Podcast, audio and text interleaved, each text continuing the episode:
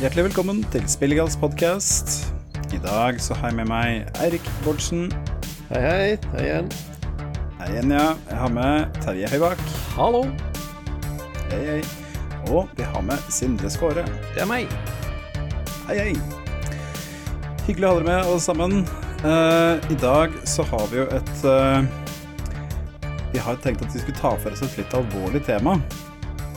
Ikke alvorlig så mye at det står liv på spill her, men at eh, Voksen. Eh, kanskje mer seriøst tema. Mm.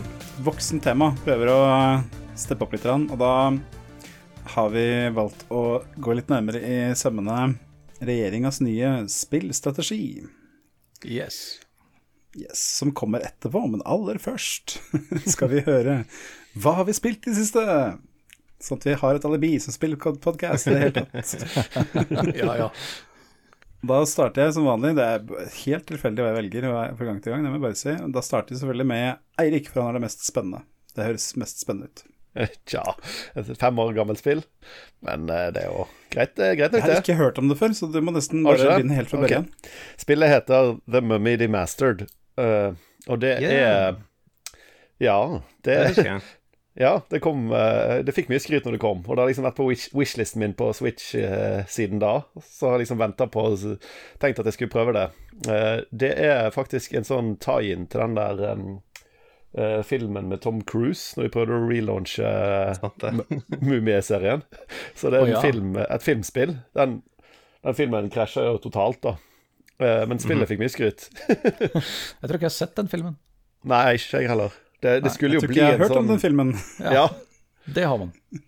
De, de prøvde jo å lage en sånn Marvel-greie med masse starte opp igjen det Universal Monsters-greiene. Ja, The Dark Universe, var det jeg kalte det. Ja, ja, det skulle liksom være Frankenstein og Mumien og Den usynlige mannen og alt der. Da. Litt sånn, Ja, skulle lage, de- alt, alt skulle blitt Cinematic Universe etter at, etter at Avengers bare tjente alle pengene i verden. Ja, ja. ikke sant? Men jeg syns faktisk det egentlig er litt synd at ikke de fikk dette. Det hadde vært ja, litt gøy. Det kunne Det vært litt hadde gøy. vært litt Ja, nei, dessverre ikke dette er Filmgals podkast, så vi går for å gå tilbake til The Mummy The Mastered. Ja. Altså, det, det heter Demastered fordi at det er, de har lagd de lagde, Det er litt sånn kult at ved en ny film så lagd, valg, valgte de å lage et sånn 16-bit uh, Metroidvania, rett og slett. Uh, Såpass, ja. ja. Det er en ganske Ganske sånn rip-off av Super Metroid, egentlig. Ja, ja. Både hvordan det ser ut, og eh, hvordan det spiller Kartet ser nesten identisk ut, og mekanikken er veldig like og sånn. Um, det er ganske mye mer generisk enn det, da, dessverre. Du er en sånn relativt generisk soldat med veldig sånn ekte inspirerte våpen. Uh, og derfor har liksom upgrades du får da av å ta bosser og sånn, er litt sånn kjedeligere enn Metroid, fordi det er liksom sånn der Oi, nå kan du hoppe litt høyere eller løpe litt fortere og sånn. Uh, eller nå får du en ny type granat. Det er, det er liksom ikke sånn Sånn som Metroid, når du dreper en boss, så får du alltid noe sånn dritkul som game changer. sant? Det, det, er, ikke, det er ikke sånn her. Dette virker jo ganske tro da til den æraen av sånn tie-in-videospill. uh, hvor det var sånn Det kan veldig løst kalles liksom relaterte spill i det hele tatt. Tenk på sånn der uh, eh, Var det ikke Batman som løp rundt med et gevær eller et eller annet på denne Super Nintendo-spillet eller et eller annet? ja, ja. Ja, jeg har ikke møtt eh, Tom Cruise ennå. Er det Ocean som har gitt ut? Ikke sant? Nei, eh, det, det har gjort noen unike ting, da. Sånn at hvis du dør, så respawn Så loader du ikke, på en måte. Du respawner som en annen soldat, fordi du er en sånn eh, helt sånn generisk soldat. Som sagt. Og så må du eh, Så har liksom liket av deg blitt vekket til live som en sånn zombie, og har alle alle abilitiesene dine, så du starter som en generisk soldat igjen da, uten noen ting. Så må du kverke deg sjøl for å få utstyret tilbake. Litt sånn Souls-like-aktig. Ah, er en gøy gimmick. Eh, Mm. jo Jeg skulle til å komme med en vits om uh, at du får, tilbake alle sjelene dine hvis du klarer å ta zombier, men hvis ikke, så er de borte. Ja, det, det var ganske uh, Men altså, det er jo en kul idé, men det fører egentlig bare til at det er litt mer irriterende å dø. For det er dritlett å ta deg sjøl igjen, og så du må bare En ekstra ting du må deale med hver gang du dør. I stedet for bare å springe rett til bossen og prøve på nytt når du har sittet fast. Så Mm. Jeg spilte det ikke selv når det kom ut, men det jeg husker, eh, det jeg husker og som jeg også ser nå som jeg googler eh, screenshots av det, var jo at grafikken var dritbra. Sånn var Ja, ja, skikkelig, det skikkelig bra gjennomført sånn pixel art uh, Mm. på gang her. Veldig kul musikk og sånn òg. Mm. Så det er jo sånn eh, Det hadde vært eh, dritkult om det kom ut på den tiden det gjorde, men nå Nei, om det kom ut liksom nå, på den tiden det er inspirert av.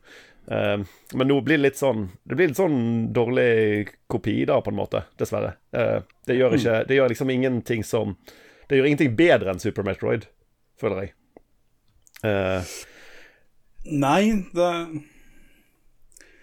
det er, det er litt sånn uh, fella det går i, da, hvis du skal ligge veldig tett opp til akkurat Super Metroid, siden på en måte det gjorde ting så bra, da. Mm. Og de, og de har jo kommet eh, flere Metroid som har bygd på den formelen på mer Mm, interessante måter etterpå, da. Dette Ja, det, de, de prøver som sagt på noen sånne små gimmicker, eh, men eh, det har for eksempel det der Og så har det litt sånn frustrerende design, da, sånn at uh, fiend, mange, I mange rom så respawner fiender kontinuerlig. Hver gang du dreper noen, så kommer det en ny opp av bakken.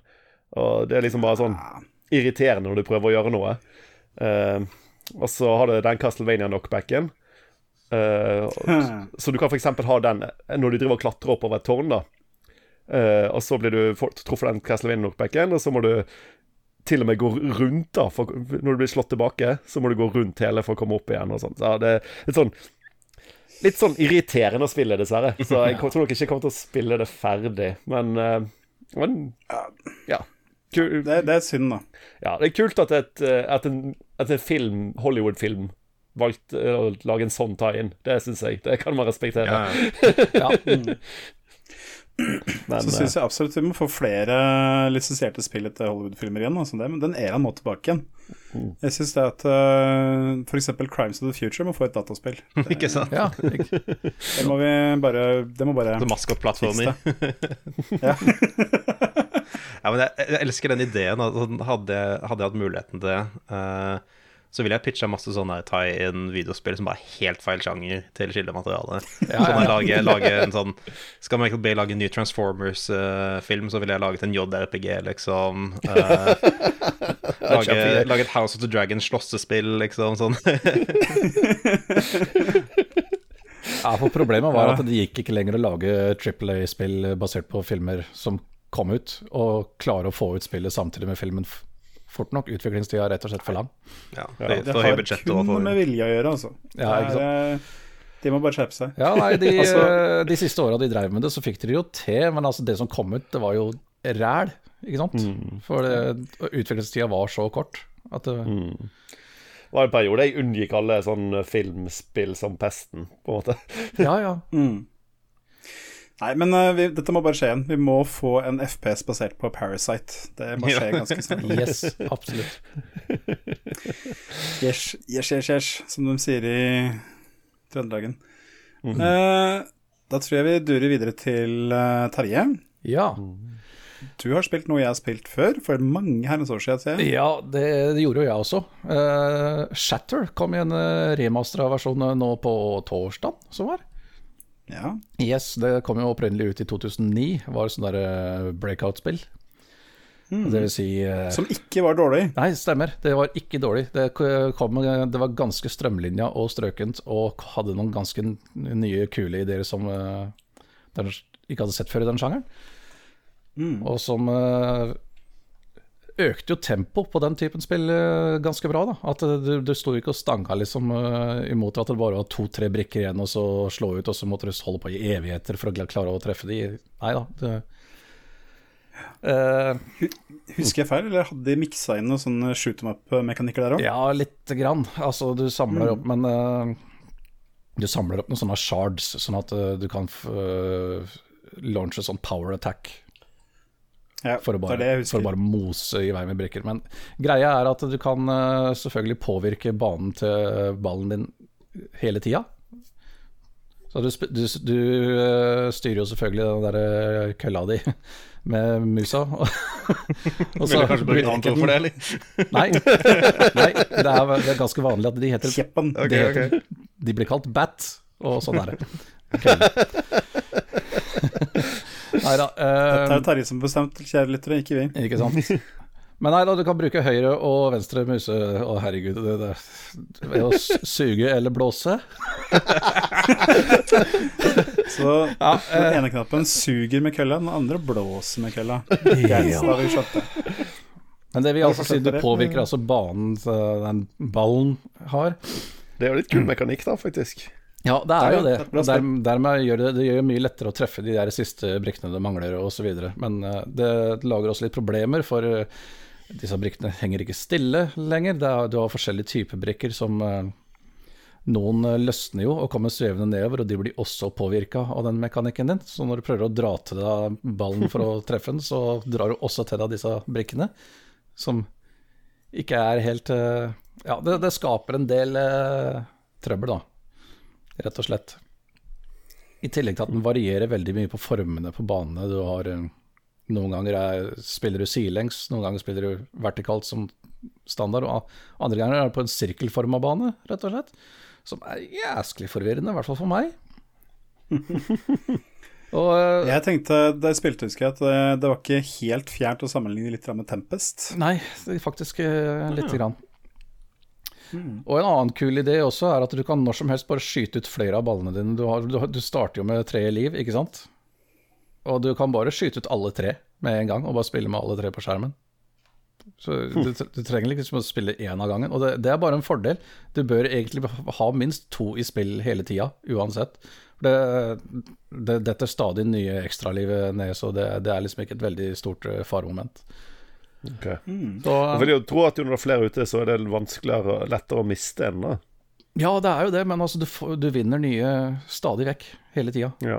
Så det er Ja, jeg blir, det blir litt mye når det er tre stykker som herjer rundt omkring, og du samtidig har disse løse brikkene du må passe deg for å justere, og du påvirker banen til alle sammen.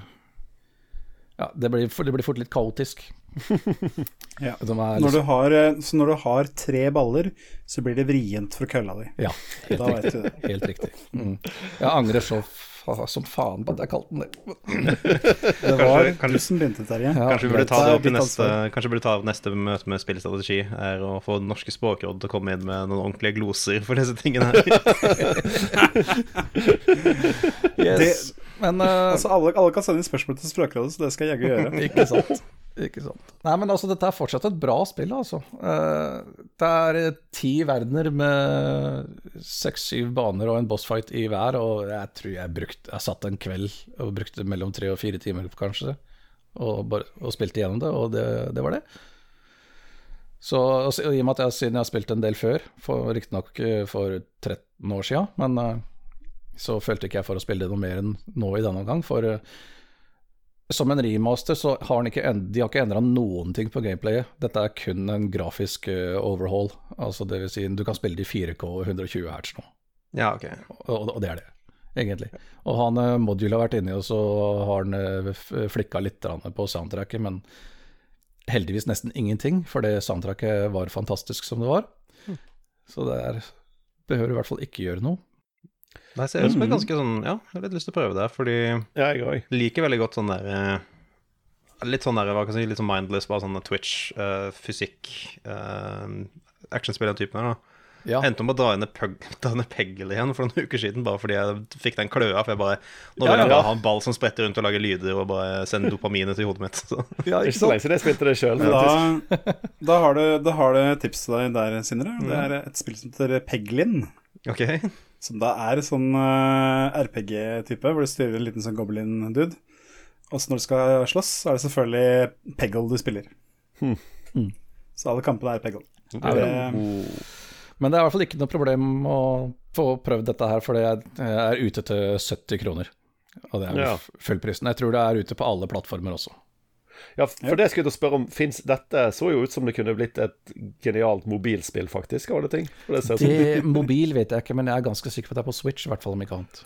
Nei, for, om no, for akkurat den type spill, der du bare liksom skal Hvis den bare følger tommelen, så er jo faktisk det funket på touch.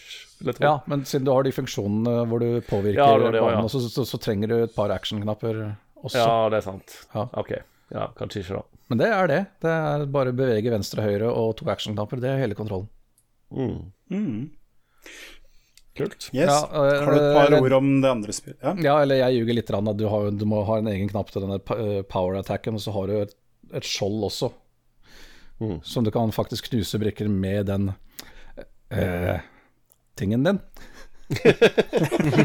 Hvis noen, av disse brikkene, hvis noen av disse brikkene kommer ned og blir for nærgående, så kan du bruke noe av den krafta du har samla opp som et skjold, og ta ut brikkene på, på den måten.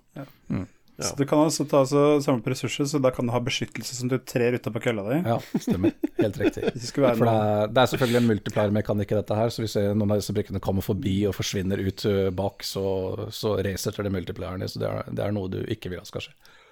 Da styrer én spiller kølla og én muser, da, regner jeg med. Ja, noe sånt. Mm. Yep. Den, den, den kan vi klippe ut. Eh, Nei, nei, nei. nei, nei den, den beholder vi. Den beholder vi. Det Om jeg vil klippe ut noe, så klipper jeg ut hele dømmer av det driten. Yes. Nei, men det, det, dette er den sofistikerte humoren som eh, folk eh, søker etter når de hører på Spillegass podcast. Så det er ikke stress. Ja, nei, vi har fått litt Dette, dette skulle være den voksne episoden, tross alt. Ja. Ja, ja. Ja. En lite, lite faktasjekk her, for så vidt. Eh, tok og slo opp om, uh, om Shatter Remastered er tilgjengelig på mobil, og det er det. Men Oi. ja. eh, via Netflix. Ah, er av de, ja. Fordi dette er kanskje folk ikke helt vet, at Netflix driver med spilldistribusjon nå. Så hvis du har et Netflix-abonnement, så kan du rett og slett bare dane en haug med forskjellige spill bare på Android eller IOS. Hvis du har lagt abonnement. Så, Mm, og Shatter, er, Shatter Remastered er en av de. ja. Uh, det er nice. og det er forstått også en Segway inn til hva jeg har spilt. Fordi jeg har, jeg har, spilt, jeg har spilt et annet et av disse Netflix-tilgjengelige spillene. Fordi jeg ville bare teste det her da, uh, selv. Jeg ville bare sjekke liksom hva, hva er dealen, hvordan funker det. Uh, da dro jeg ned uh, Vel, først og fremst så dro jeg ned Into the Breach, eh, mobilversjonen, som kom, ut, kom ut som en eksklusiv del av, uh, av denne Netflix- Netflix-dealen. da. Og jeg digger jo Into the Reach. Det er jo et knallspill. Sånn uh, kjempebra strategispill laget av de folka som lagde FTL. Um, men ja, så, uh, ja, Jeg skal ikke prate for mye om Into the Breach, for det var ikke det jeg egentlig spilte. For det har jeg spilt før. Men um, jeg tok og prøvde en som het uh, Moonlighter, for den virket litt interessant. Eh, og det, Ja. det, var rett og slett, det er rett og slett en uh, I motsetning til f.eks. Uh, Shattered og Into the Breach, så er det ikke en port av et uh, eksisterende spill, så vidt jeg kan merke. Det her virker som det er veldig designet for, eh, for mobil, og det er en liten sånn Liten roguelike, sånn derre dungeon crawler. Um, minner litt om sånn Binding of Isaac, eller eh, hvor du bare går inn i en sånn random generert dungeon med sånn hva kan du grid, grid map, da. Sånn der alle, alle rommene er, eh, er rektangler uh, som fyller hele skjermen, og så clearer du et, og så kan du gå videre til et annet et, og så samler du Når du fikk rundt ned der, så samler du lut, som du drar tilbake til butikken din, da, som heter The Moonlighter, for å selge de til eh, befolka i landsbyen.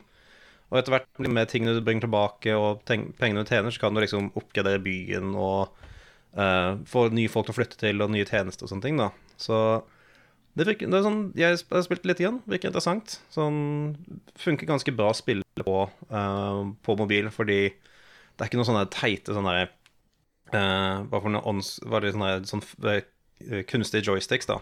Uh, her er det sånn du bare du bare, tapp, du bare tapper seg på skjermen, så tar karen din og løper dit, og så er det en Det er veldig sånn AI-drevet, da. Altså han han, mm. Figuren din tar og liksom slåss på egen hånd, og så kan du liksom aktivere healing potions og spesialangrep og alt det der. Altså ganske sånn tilbakesla ganske tilbakeslappet. Sånn eh, Det er noe du spiller på en busstur, liksom. Jeg vet ikke om det er noe jeg hadde giddet, giddet å liksom sette meg ned og virkelig spille på egen hånd.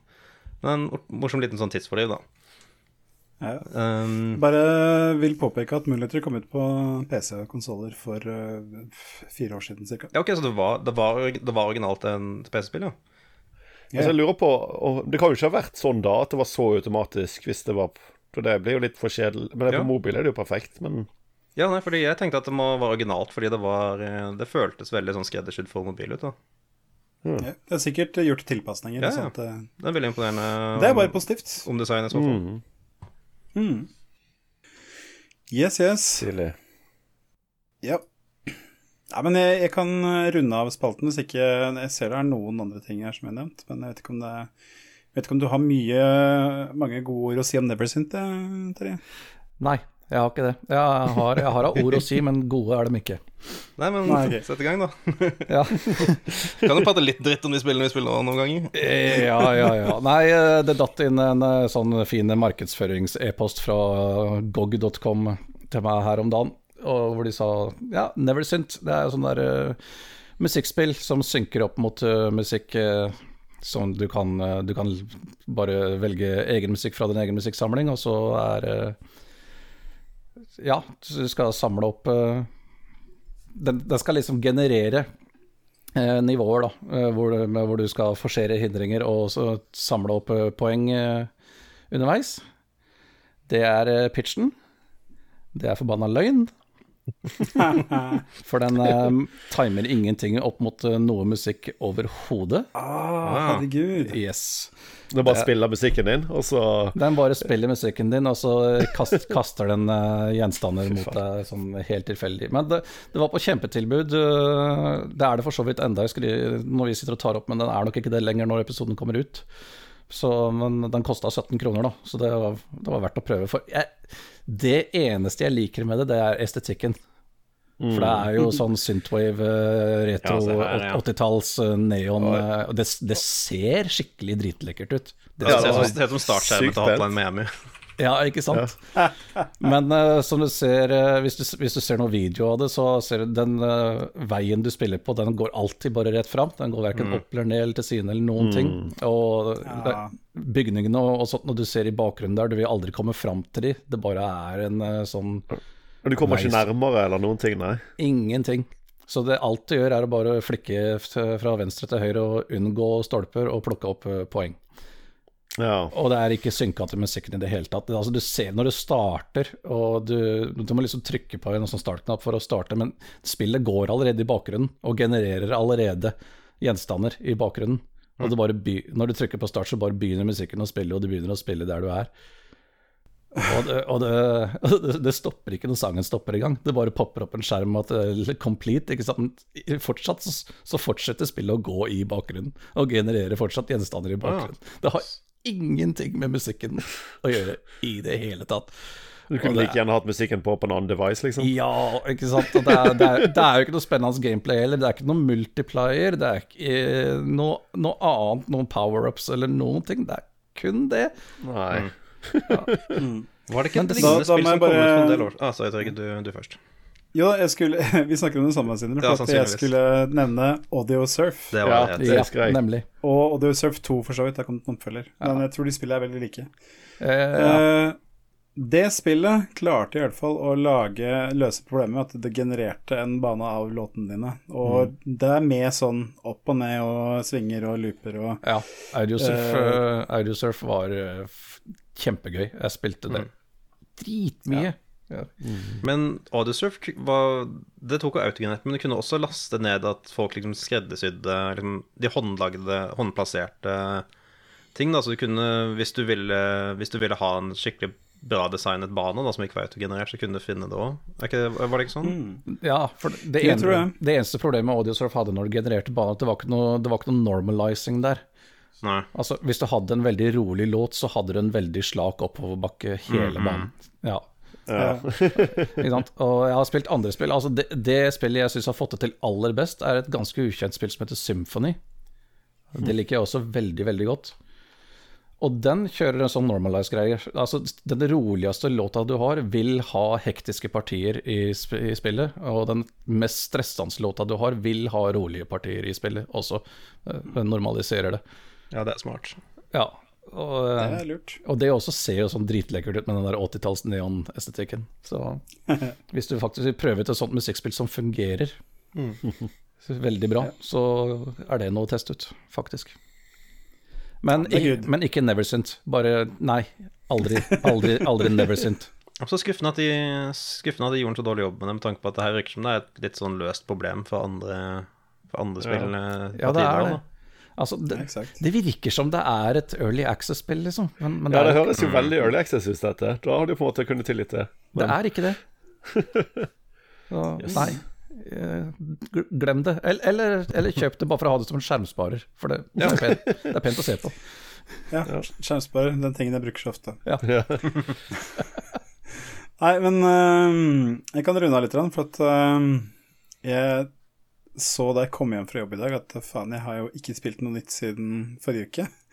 Bare spilt uh, Persona 5, og jeg har spilt Symphony of the Night. Så bare øh, Hva kan jeg spille på 20 minutter før podkasten begynner? Du gjorde bokstavelig talt før vi begynte å spille inn. Da gjorde jeg bokstavelig talt det. Spilte et spill i 20 minutter, og så har jeg tenkt å si litt om det. Og For at det spillet jeg har spilt, det er um, ja, litt, litt forhistorie først, da. Nå har det akkurat kommet ut et nytt um, uh, spill til PlayStation 5 som heter God of War. R Ragnarøk, yeah. som heter så fint. Altså, det heter Ragnarok, det er jo det er sånn det ble skrevet i gamle dager. Men um, jeg kan ikke spille det, for jeg har jo ikke en PlayStation 5. Men det har, det har fin grafikk, så jeg har jo lyst til å spille det.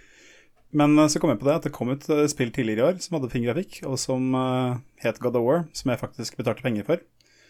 Uh, det er da det forrige spillet som kom til PlayStation 4 for fire-fem år siden. Ja, det Som kan kom til PC i år. Mm. Mm. Stemmer. Og så lådde jeg opp saven min fra forrige gang. Da viste det seg at jeg hadde Forrige gang jeg spilte, så kom jeg til en boss, og så hadde jeg bare quitta. Oh, ja. Så jeg starta rett på en boss. Og da, Jeg har glemt alt av kontroller og sånne ting, men det, heldigvis så er det jo nesten ingenting å kunne av kontroller i spillet, så det er veldig greit. Uh, så jeg fikk jo, ble minnet på da, hvorfor jeg ikke hadde veldig stor entusiasme for det spillet i utgangspunktet da jeg kjøpte det. Det er jo um, Altså, God of War har liksom på en måte For meg så har det alltid vært sånn eh, Greit nok. Sånn eh, Altså jeg husker første gang jeg spilte det første spillet på PlayStation 2. Jeg ble jo slått i bakken, for det var jo så imponerende. Du starter jo på et skip i storm, og det kommer en sånn hydra og skal knase hele skipet, og du må løpe rundt, redde folk, du må ned i gapet på den der jævla slangen, og du må få tak i nøkkelen. Ja, sånne ting. Ja, det er en veldig kul start. Eh, akkurat som God of War 2, uh, for så vidt også God of War 3. Uh, bare det at de spillene er så frontloada at det er, det er ingenting etter det. Det er bare vanlig standard eh, cinematisk plattforming med litt sånn OK slåssing, og så er det en bossfight, og så er det ferdig. Mm. Det er bedre å stå litt i God of War 3 til PlayStation 3, men det var også helt greit. Uh, mm. Altså, i nye God of War, så har de jo nye God of War-serien, så har de jo da Skulle bøte litt på det, så de har uh, lagt til en sånn uh, Ikke Open World direkte, men du får den samme synkende følelsen i magen når du ser det, altså. Det er, uh, det er egentlig Metroidvania, det òg. Ja, altså, Altså, altså, i hvert fall du spiller gjennom en ganske kul, kul intro, ikke sant? I det første spillet så er det Du møter jo han eh, skurken, han Balder, som er ganske badass. Det var Balder som er skurken, ja. Okay. faktisk. Ja, ja. Ja, ja. Og så Altså, checks out etter Nei, de gjør vel egentlig ikke det. Uh, da... Balder er jo han, Balder er jo han som ble drept av uh, Hod, var det ikke det? Ble lurt av Loke til å skyte han. God of War Ja, har det- alltid det vært det er helt eh. God of War har alltid vært ganske løst basert på Ja. den mytologien de Ja. ja. Nei, så det, det var helt rett, Sindre. Jeg, bare, jeg, jeg hadde klart å overbevise meg om at jeg tok feil, men det var helt rett. det, Bal, eh, I i nordisk så er det spesifikt sånn at Balder vel elska av alle, og han var så snill og grei. Yep. Det, er Så var det Loke som lurte hodet til å ta misteltein på pila si og skyte den. stemmer. Sånn er det, vet du. Vi kan vår mytologi her. Eh, I hvert fall. Poenget er at du møter han, og han er ikke noe gøy, og så må du av gårde og ordne ting. Og med han eh, sønnen din, da, som heter eh, Boy. ja. Og eh, ja, og så kommer du, kommer du litt ut i spillet til en innsjø, og der er det Midgardsormen, fordi hvorfor ikke? Og så eh, åpner kartet seg opp, og så kommer det sånn tre millioner ikoner over hele kartet. Og det er sånn der du får Og så Jeg vet ikke om det er gjort med glimt i øyet eller hva som er greia, men sidequest, eller sånn, der, sånn collection quest i spillet, det, kalles, det har jo et navn, da. Det er Labours. Nice. Så Men det er, vel en, det er vel en referanse til uh, hva for noe? The Twelve Labours of Hercules, er det ikke det det Ja, ja, selvfølgelig. Ja, Men det er, ja da, men uh, det, altså, ja, det er et treffende navn, da. Ja, Nei da, så Bestrebelser tror jeg det ble oversatt til på norsk. ja. Ja. Det, det er jo et bra ord, det for så vidt. Men det er jo ikke så gærent i det spillet der, er det det, ja, egentlig? Nei, men det er bare at du Det, det, det, det følelsen at du Hvorfor må de ha den med? Det er liksom Hvorfor kan det ikke bare være utforsking, slåssing, eh, puzzling, og så er det ferdig? Hvorfor må det være sånn at du skal samle opp loot i God of War? Det skjønner jeg ikke. Jeg er grunnen helt enig. Men er det sånn loot av typen sånn der eh, sånn leather belt of the badger som gir deg pluss ti stamina og sånn type greier, eller? Det er akkurat det. Ah. Akkurat det. Det visste er jeg liksom ikke. det er. Det sånn Ja, men, nei, men det, det er tilfellet. Det er sånn Og du må crafte, du må modde øksa di, og du må kan legge på gems over frost, og du kan få på uh. ja. Så det er eh, Det er skikkelig nedtur. Men også er det det at eh, kampsystemet, da Altså eh, Den bossen jeg tok, det var, eh, var en sånn troll som kunne ta fyr. Og han tok jo å bruke taktikken kast øksa. Og Mm. få øksa tilbake igjen, og så kaste, og så kaste øksa en gang til. Og så gjør det gjenta til den er død. That's a bold strategy, Ja, så slo jeg på det et par ganger. Jeg syns det var ganske tilfredsstillende å drive og slenge den øksa rundt. da. Jeg syns de har fått til liksom Den mekanikken er ganske sånn Selv om det kanskje ikke er så dypt da som du klager på, skjønner jeg. Men jeg syns det var ganske sånn tilfredsstillende og deilig å drive med. Syns jeg iallfall, da, i- når det kom. Alt føles tyngre i det nye, nye spillet der enn det det gjorde i de gamle Ja. spillene. For da, da var jo da var en akrobat, lett så sprang Ja, og- det er eh, rundt omkring. Men, mens i nye God of War så er alt så mye tyngre, egentlig. Ja, så det har blitt en gammel gubbe òg, da. Så. Ja, Ja, det, det det, det, det er sant. Men altså, ja, alt av bevegelser og sånn, og det Ja, jeg liker, jeg liker det bedre. Jeg gjør det. Det Ja da, gjorde, altså det, det gjorde de fleste. Ja da, altså det er, det er ikke det at eh, Altså, det, det, grunnen til at jeg ikke er noen sånn stor fan, er fordi at eh, min gullstandard innenfor sånn eh, hack and slash-spill er eh, Ninja Guiden. Og altså, i God of War så er det sånn at du, du har denne jævla Simon Says-greia fra Batman-spillet. Uh, da kommer en fiende. Å nei, han skal til å angripe. Da kommer det en gul sirkel. Du må trykke på parry. Yeah. Det er sånn Mens i Ninja Guiden så er det liksom sånn at du Altså, du starter med et sverd, som er liksom basicen. Og så får du Du låser opp flere forskjellige våpen. De har helt forskjellige spillestiler.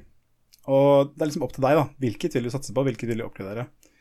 Uh, og så er det det som er spillet. At du mestrer det våpenet i løpet av playthroughen din.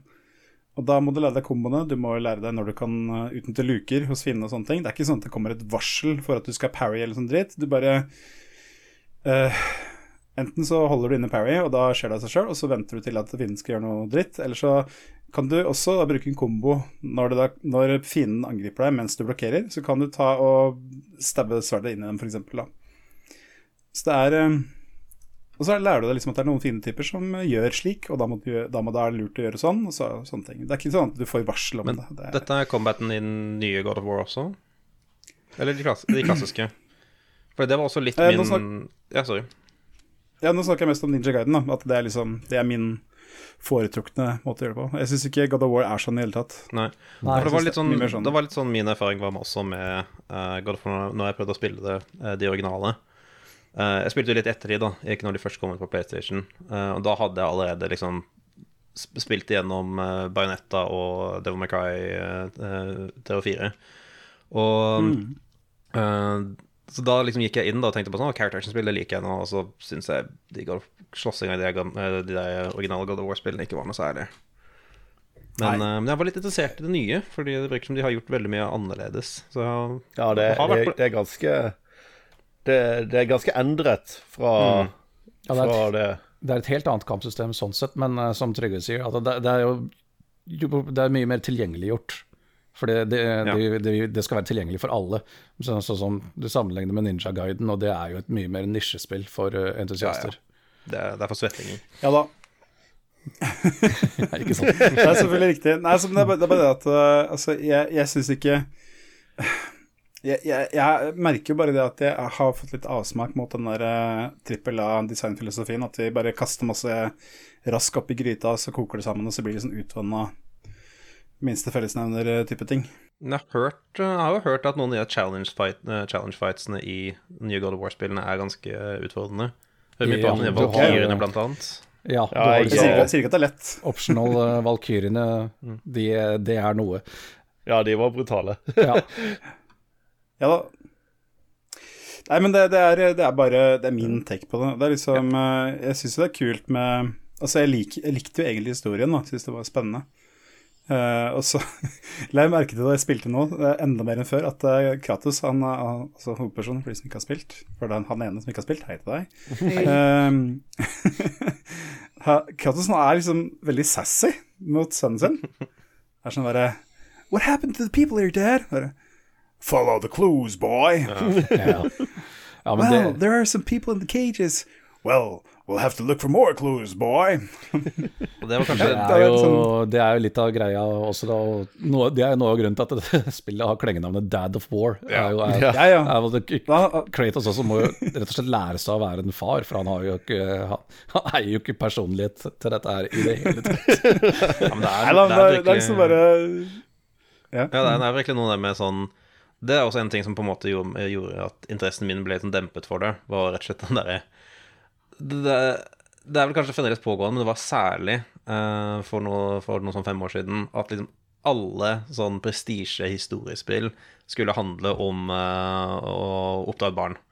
Og sånn, jeg tenker liksom sånn Last of Us og, og sånne ting. Ja. Det er, sånn, det er veldig ty Ja. altså, så er det også en del sånne indiespill og sånt også. Jeg tror det er ganske tydelig at liksom, nå, begynner, nå begynner liksom eh, stallen med spilledesignere og bli såpass gammel nå at alle begynner å bli foreldre. Sånn, det er det de alltid kan, de alltid kan tenke å skrive om, ikke sant. Ja, det er, eh, det er Du er sikkert inne på noe der. Ja. Det er, jeg vet ikke om det er noe stort framskritt at det har gått fra at alle historier skal være uh, 'Redd verden fra undergang' til å bli 'Redd verden fra undergang' samtidig som du passer på ungen din. Ja, Vær barnevakt. Men ehm, ja. Last of Us er vel sånn at du ikke engang redder verden, men det er noe sånn der. Mm. Ja. Spoiler for Last of Us, forresten. Ja. gir, Til, eh, deg som ikke, til oh den nei, ene nei. som ikke har spilt ennå. tenker nok jeg kommer til å, tenker nok jeg kommer til å gi uh, nye God of War en sjanse etter hvert, men har så, Ja. annet- har så mange andre store spill jeg må bli ferdig med. Eh, Ja, hadde jeg hatt PlayStation 5, så hadde jeg garantert eh, vært på det toget nå. For jeg, jeg likte det Ja. veldig godt, det spillet Trygve ikke liker, da. Ja. Eh, nei, men uh, ditto. Ja, altså, jeg likte God of War veldig godt. Og det er et av de få spillene jeg faktisk kjørte helt gjennom og tok platinumen på. Og du gjorde det, ja. Ja, Ja, nei, jeg- Banka alle de valkyrjene og alt sammen. Fytti helsike, det var noe bare for oss. Så ja, nei, så eh, hadde jeg hatt eh, plattformen til det, så hadde jeg vært rett på den eh, God of War 2, eller Ragnarok, da. Nå. Helt Nei, sikkert. for jeg, jeg, klarte faktisk i det tilfellet å ikke å, Fordi jeg og jeg klarte å styre meg fra å gå all in og ta alt, da. For jeg tror jeg hadde nok blitt lei før det var ferdig, hvis jeg hadde gjort det. Sånn som jeg ofte gjør i sånne store spill, da. Ja. Men um, jeg klarte å holde meg til main story og ikke crafte så hardt og sånne ting. Og du kan fint spille gjennom det, så hvis du velger å ignorere det, så klarer du fint å spille gjennom det uten Ja. å unlocke så mye og sånn, da. Men eh, jeg er jo litt enig i kritikken din på det punktet, da, at det vanner det ut. Men uh, det går an å drite i det òg, da. Men ikke at det er noe unnskyldning. Ja. var det, var det jeg fant ut at jeg måtte gjøre med Witcher 3 hvis jeg skulle få til å slå det i det hele tatt. Da bare ditcha jeg alle sideoppdragene og bare rusha til slutten av historien etter å ha spilt. Det er liksom vanlig i 20 timer, og så innser jeg bare sånn Nei, skal jeg bli ferdig med det her nå, så er jeg bare nødt til å løpe til målstreken. Ja, uh, Witcher 3 har vel kanskje rekorden i antall ikoner på kartet. ja, det er ganske, si det ganske, ganske mye. Ja, Det er svært, altså. ja da, men det kan si Det er liksom det at uh, God of War er liksom, selger seg inn med det, dette her er det slåssing og herjing og en kul historie.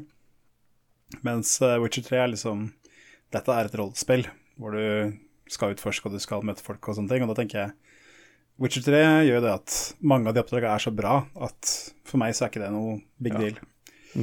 Det har noe med at det er liksom Jeg føler ikke at det er en styrke for God of War, da. Nei, på God of War føles det kanskje litt som de har bolta på disse RPG-elementene. Det føles veldig sånn. Ja. Spesielt den crafting og oppgradering. Altså, det syns jeg var helt pyton. Ja, og den er dessverre 100% nødvendig å gjøre hvis du faktisk har tenkt å prøve å gjennomføre det og, og ta og banke alle disse valkyriene. Særlig, særlig den siste av de er jo helt ekstrem. og du, du, må bare, du bare må komme inn med eh, høyest eh, Ja, det kuleste som er av utstyr og full pakke. Ja, for jeg ignorerte som sagt ganske ofte. Jeg prøvde meg kun på én av de valkyrjene, og jeg hadde ikke sjans mot den første av de, liksom. Nei, ikke sant? Når jeg hadde ignorert det ganske mye. Så Ja. Visste dere forresten at Valkyrie ikke er et norsk ord? Nei. På norsk heter det Valkyrie. Oi. Ok. Ja, Fun fact. der, der har vi norsklæreren vår. Ja. Yes. Yes.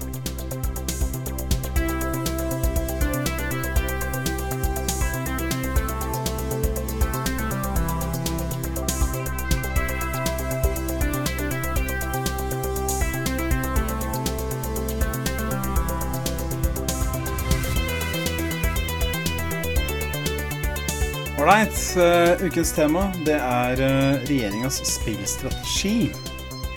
Uh, Anledninga for at vi tok opp dette her, det er jo da et innspill fra vår kjære uh, Mirage på discorden. Som gjør oss oppmerksom på, da, i hvert fall meg, i, i tidligere i høst, at det i sommer ble arrangert et innspillsmøte for arbeidet med den nye spillstrategien fra regjeringa. Dette er da Kultur- og likestillingsdepartementet som har ansvaret sånn formelt. Og det var møte på ledet av en statssekretær derfra. Og det var uh, åpent for Fikk jeg inntrykk av Gudde Werman, som kunne komme og kjøre innspill til den nye spillstrategien. Um, og da tenkte jeg at utgangspunktet burde kanskje være den forrige spillstrategien. Litt for å vite hva vi snakker om her. Ja. Ja. Uh, den forrige strategien het Spillerom. Clever. Nei, nå er, jeg kritisk før vi har begynt her. Det er ikke bra. Uh, den, det, en, det, var da en strategi som gjaldt fra Gjelder teknisk sett fortsatt, for at den omfatter 2020 til og med 2022. Kommet til 2019. Eh, ble da lansert av Trine Skei Grande, som da var kultur- og likestillingsminister, og selvfølgelig pro-gamer, det vet vi. Yep. det som var fokuset der, det var det at uh, det skulle løfte dataspill som selvstendig kulturuttrykk, kunstform, næring og fritidsaktivitet. Og det har jeg bare henta rett fra den rapporten. Um, det er mange ting og tang vi kunne hente fram fra den rapporten, det skal jeg ikke bruke masse tid på. Men uh, det er noen ting jeg beit meg litt merke i. Uh, det som uh, blei formulert tydelig der, det var en egen satsing på dataspill. Uh, en økt synliggjøring og anerkjennelse som eget kunst- og kulturtrykk, og en egen bransje. Konkret formulert så er målet for den strategien det er da at man skal ha et variert tilbud av norske dataspill av høy kvalitet. Man skal ha en profesjonell og mangfoldig dataspillbransje. Man skal uh, få gjennomslagskraft for norske dataspill, og man skal ha en inkluderende og tilgjengelig dataspillkultur. Ja. Ja. Vel. Ganske bred ramme de har satt seg for seg selv her, da, syns jeg. Ja. Jeg vet ikke helt hvor gjennomførbart det er å få til det på to år, men uh, ja, vi har vel Vi vet vel kanskje litt om hvor bra det gikk. Det, hadde, ikke, hadde, jeg ikke aktivt gått inn og søkt etter dette, så hadde jeg ikke visst at det fantes engang. Så Nemlig. vi er litt der, altså. Nei, men uh, Men altså, det er, det er jo da- jeg, jeg kan jo si at de har jo da i hvert fall gjenkjent eh, problemene, og hva de egentlig bør ta tak i for å gjøre ting bedre, uten at eh, Vel, det har jo rett og slett ikke skjedd noe på Ja. de to Det har skjedd litt ting i kulissene, vil jeg si, men det er ikke noe sånn veldig Ja merkbart, egentlig. Nei. Nei, altså, så er det selvfølgelig Det er urettferdig å si at det skjer ikke noe på to år. Det er for at, det, som du sier, Sindre, så det skjer mye, mye som man ikke legger merke til. Det er sånn forberedelser, ikke sant. Dette er ikke noe man kan bare jeg bare skru på pengekrana, og så vær så god, nå er det noe bra bransje i Norge. Det er ikke sånn det funker, det vet vi jo. Um, men det, det som kanskje var uh, Hadde ikke sagt nei til at de skrur opp ikke penger i krana litt, grann, da, det må jeg si. Selvfølgelig ikke. Men det kan komme til etterpå. Men uh, det, ja da. Altså, det er jo det som, det som jeg opplever at uh, i, Dette her var jo på en måte foranledninga til det innspillsmøtet som vi da har tatt en kikk på. Det var uh, rett over to timer med herlige innlegg fra mange forskjellige aktører. Uh, og jeg føler at det er det her som er bakteppet. At dette er målet, ikke sant. De skal ha dette varierte tilbudet, gjennomslagskraft osv. Men hvordan skal det gjøres? Og så vil de ha innspill til det, for å da jobbe videre med den nye spillstrategien. Som jeg da ville kanskje tenke at uh, kommer da i 2023. Jeg vet ikke.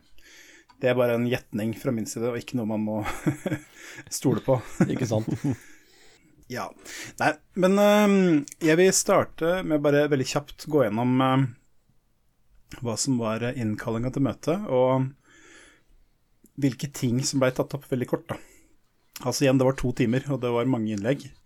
Eh, hvert, hver taler hadde tre minutter på seg, så da skjønner vi at det var en del som stilte opp. Vi bare legger inn opptaket av den i midten her, noe sant? Ja, Ja, det kan vi nå, nå skal vi høre på den i to timer, og så går vi tilbake. Nei, det skal vi ikke gjøre. Kan kondensere det ned til fem minutter omtrent, tror jeg, for det var veldig mye gjentagende Ja, det var det. og like innlegg, egentlig. Ja da. Så jeg, jeg har skrevet inn et sammendrag hvor jeg på en måte har trukket ut det som er det viktigste. Men det, bare sånn så lytteren er oppmerksom på det, så er dette min subjektive gjennomgang. Og det er ikke meningen at det skal være en uh, objektiv representasjon av det som ble sagt på det møtet, for det er det ikke. Dette er det jeg på en måte fester meg ved, da. Ja. Vi tar heldigvis ikke imot lytterinnspill eh, likevel, så det er greit. Nei, men altså, dette er, eh, da er vi inne på journalistikk eh, og etikk og sånne ting, så det presiserer. Ja, ja. Ja. De spørsmåla som ble stilt til de som skulle ha komme innspill, det var eh, hvordan skal vi styrke utvalget av norsk, nye norske dataspill? Eh, hvordan legge til rette for en nasjonal og regional vekst i norsk dataspillbransje? Og hvordan styrke mangfold og representativitet i norsk dataspillbransje. Det var da spørsmål til bransjen, sånn spesifikt. Mm. Og så var det tre spørsmål til, som gikk på dataspill i samfunnet. Eh, hvordan legge til rette for en mer tilgjengelig og trygg dataspillkultur? Hvordan styrke samspillet mellom statlige, regionale og kommunale virkemidler for dataspillkulturen?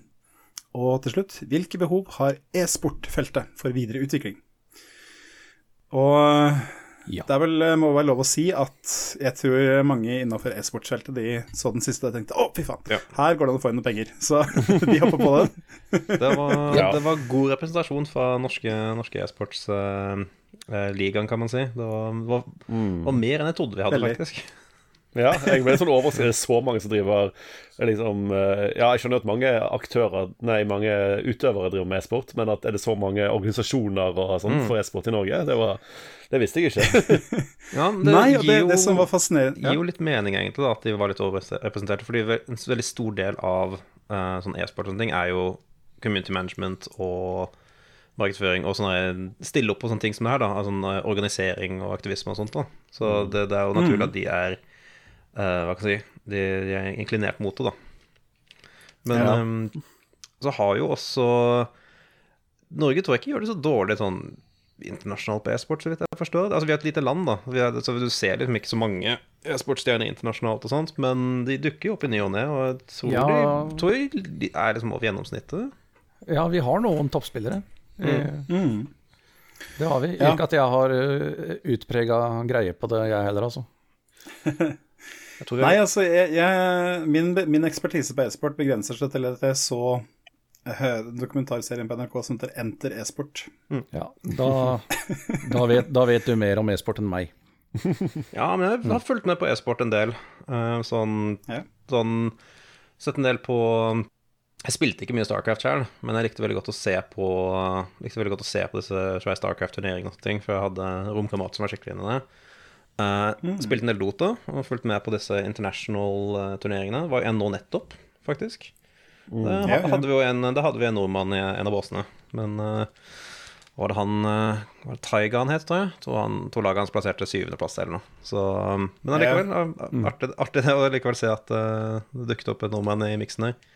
Men jeg har inntrykk av at Norge er egentlig størst på jeg føler, jeg føler at jeg ser mest uh, Counter-Strike når jeg ser mye prat om ja. uh, e-sport Norge.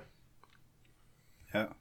Det som, eh, det som, var i den dokumentaren, var jo da Det var CS. Mm. Og så var det, hadde de selvfølgelig intervjua han um, uh, Nyrox, han som mm. spilte mm. Fortnite og vant VM.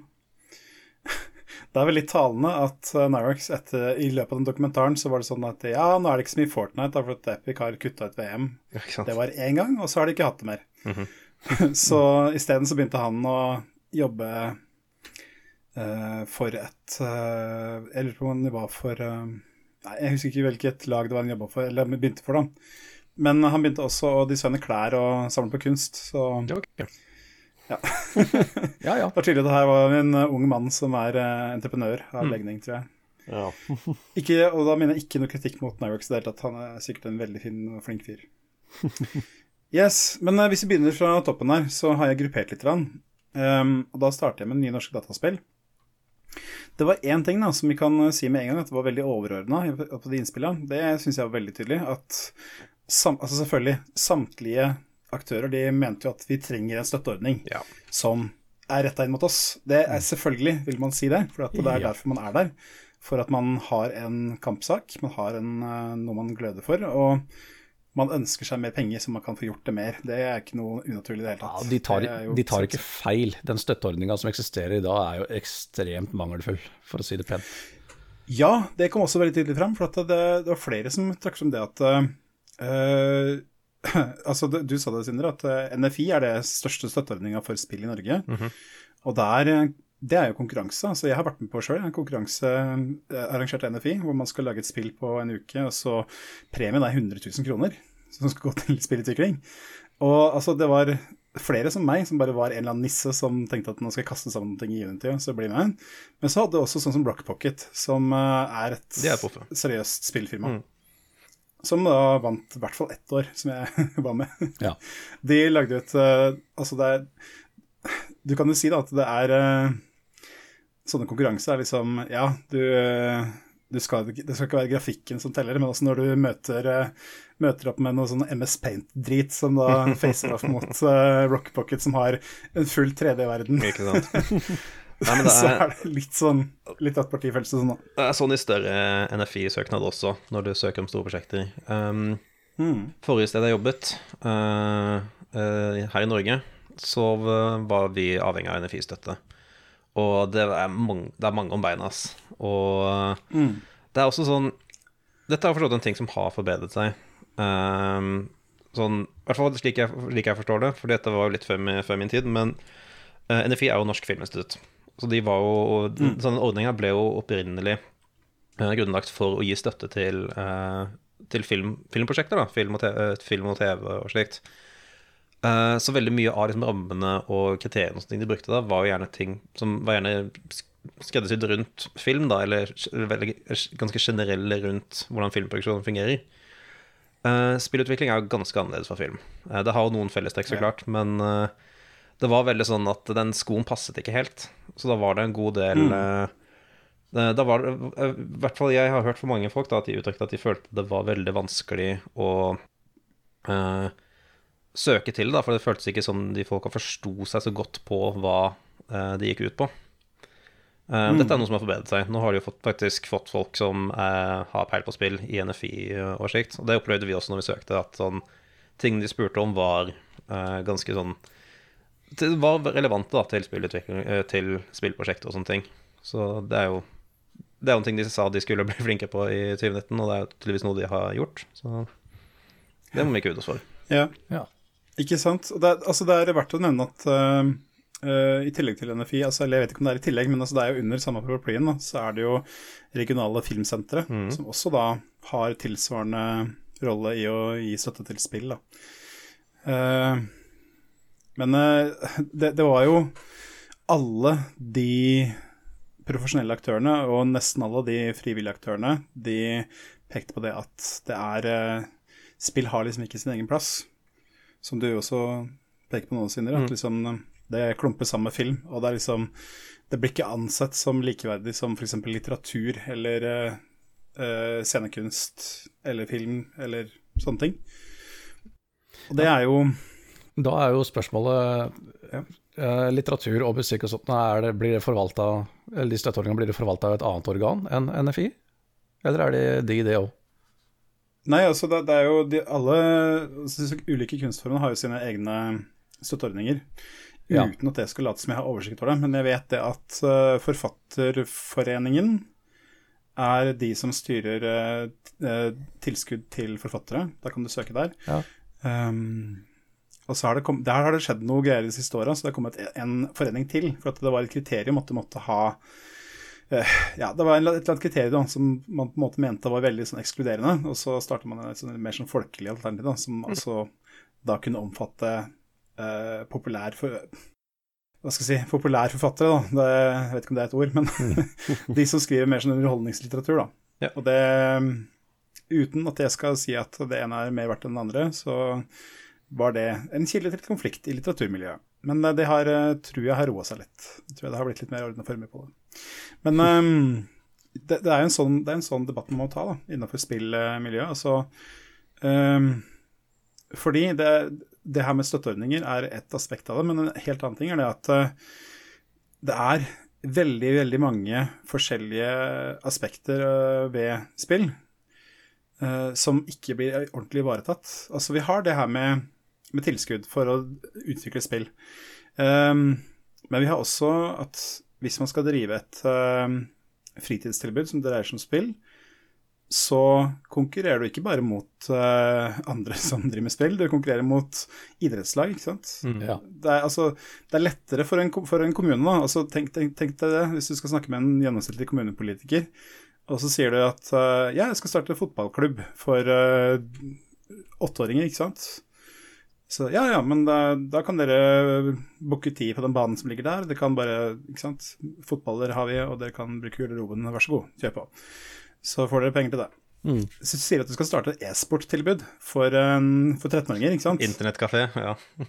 Ja. Ikke sant? Hva er e-sport? Hva er Nei, er ikke det som bare så spillinga? Er ikke det som drit? Nei, nei, nei. Det er litt der, altså. Det må også sies at eh, som fritidstilbud så er jo videospilling er, er ganske uglesett eh, vil jeg. Fordi det er, oh, ja. det er ganske sånn det er ganske, det sånn, det er I forhold til eh, fotball, da, som er en sport hvor du løper rundt og får mosjon, og alt der, så er det ganske sånn inaktiv, uh, inaktiv uh, sport, egentlig. Um, og så er det også ja, Jeg tror også bare generelt det kulturelle da, rundt, rundt spilling. For når man tenker på noen som gamer, så ser, man for en Ser man for seg en kid uh, som sitter liksom inne på pump- pumperommet med som bare dukner i Red Bull-bokser med sånne glassete øyne og lyset av og bare belyst av en sånn blå skjerm. ikke sant? Det, det, er, ikke, det er ikke et attraktivt Ja. bilde. Nei, Omtrent sånn som Discord-chatten vår ser ut nå, mener du? Ja. men, Nei, det, er jo, øh, det er jo greia, ja. da. Altså, de mer profesjonelle e-sportlagene de fokuserer jo på kosthold og fysisk eh, eh, og sånt, og i tillegg til bare spillet. Så det, det er jo en ting som vil liksom blø nedover til de mindre, mindre profesjonelle yeah. og, og, organisasjonene. Da, at det er måten å gjøre det på. Ikke sant. Mm. Altså, det, det er, dette, der har jeg en anekdote, for at uh, uh, Altså, sønnene mine har jo vært innom eh, idrettslaget her i Stange uh, i et par runder med å spille fotball. Idrettslaget her, de har, tror jeg har en visjon om at de skal drive med alle idretter som fins. Ja. Så det er ikke så lenge før vi kan spille lacrosse, tenker jeg. Men um, i hvert fall så hadde de Det var noen som ville starte opp e-sport-greier for idrettslaget. Og så måtte de ha en trener. da Og det var noen som spurte ja, du kan spørre Trygve, da, han har peiling. Bare, jeg bare Punkt én, jeg bryr meg ikke om e-sport. Punkt to, jeg kan ingenting om kosthold eller treningsopplegg eller noen ting. Du må spørre noen som er trener. Du kan ikke bare ta en rando fra gata, liksom. Det er eh, Så det er, altså, det er, det er liksom Det er mye randoms fra gata som er fotballtrenere og rundt omkring, har inntrykk av. for Jeg har en, eh, jeg har faktisk en omtrent akkurat samme anekdoten. Ja, ikke sant. Ja, hvor eh, eh, kona til broren min uh, er jo veldig aktiv i Røde Kors, lokale Røde Kors. Og, eh, og driver en sånn der aktivit, fritids- og aktivitetssenter for barn og unge uh, her i byen. Og hun var plutselig på meg om at eh, 'Du har ikke lyst til å være e-sportstrener?' Ja, du, passer du liker spill, det passer jo Nei, Og gode kids i Street Fighter 2. ikke sant? Nei, men som, jeg, som jeg sa til hun den gangen, det er, det er ikke det at jeg spesifikt ikke liker e-sport, det er det at jeg er ikke spesielt glad i sport og sånn generelt. Ja. Nei, ikke sant. Og der, eh, altså, det ble påpekt i, eh, påpekt i den, det møtet at eh, all e-sport er gaming, men ikke all gaming er e-sport. Ja. Og det er jo viktig å altså, Som sagt, altså, e-sport, da følger det med ganske mye. Det er liksom, Du må ha en plan, du må ha treningsopplegg, du må ha fysiske aktiviteter, du må ha kostholdsopplegg. Det er liksom, ellers så går det ikke.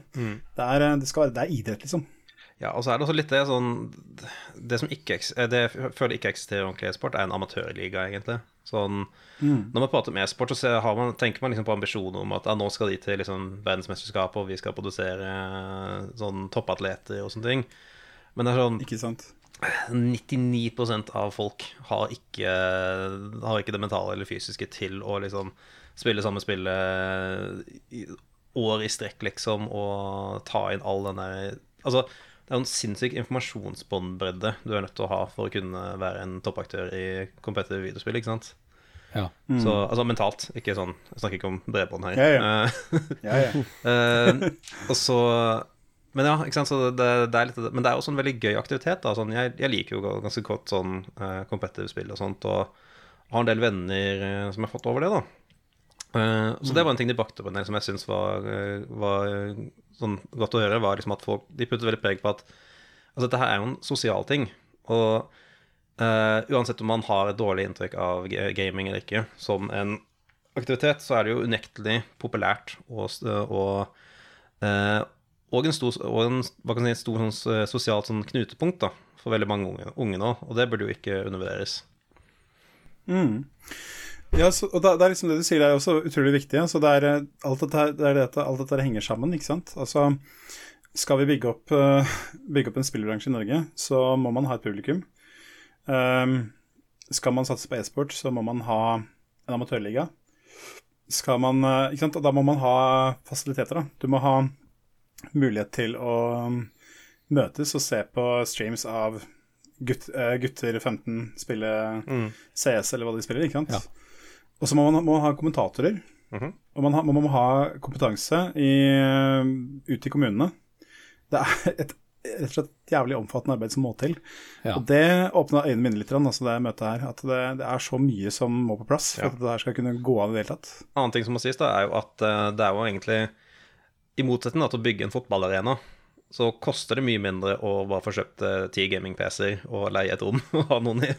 Yes. Det er en mye, mye lavere kan man si, cost of entry da, å få dette greiene satt opp. Men det er bare Det er som du sier, da, man trenger å ha, et ordentlig uh, si, uh, nettverk, da. For, uh, eller sånn Ja.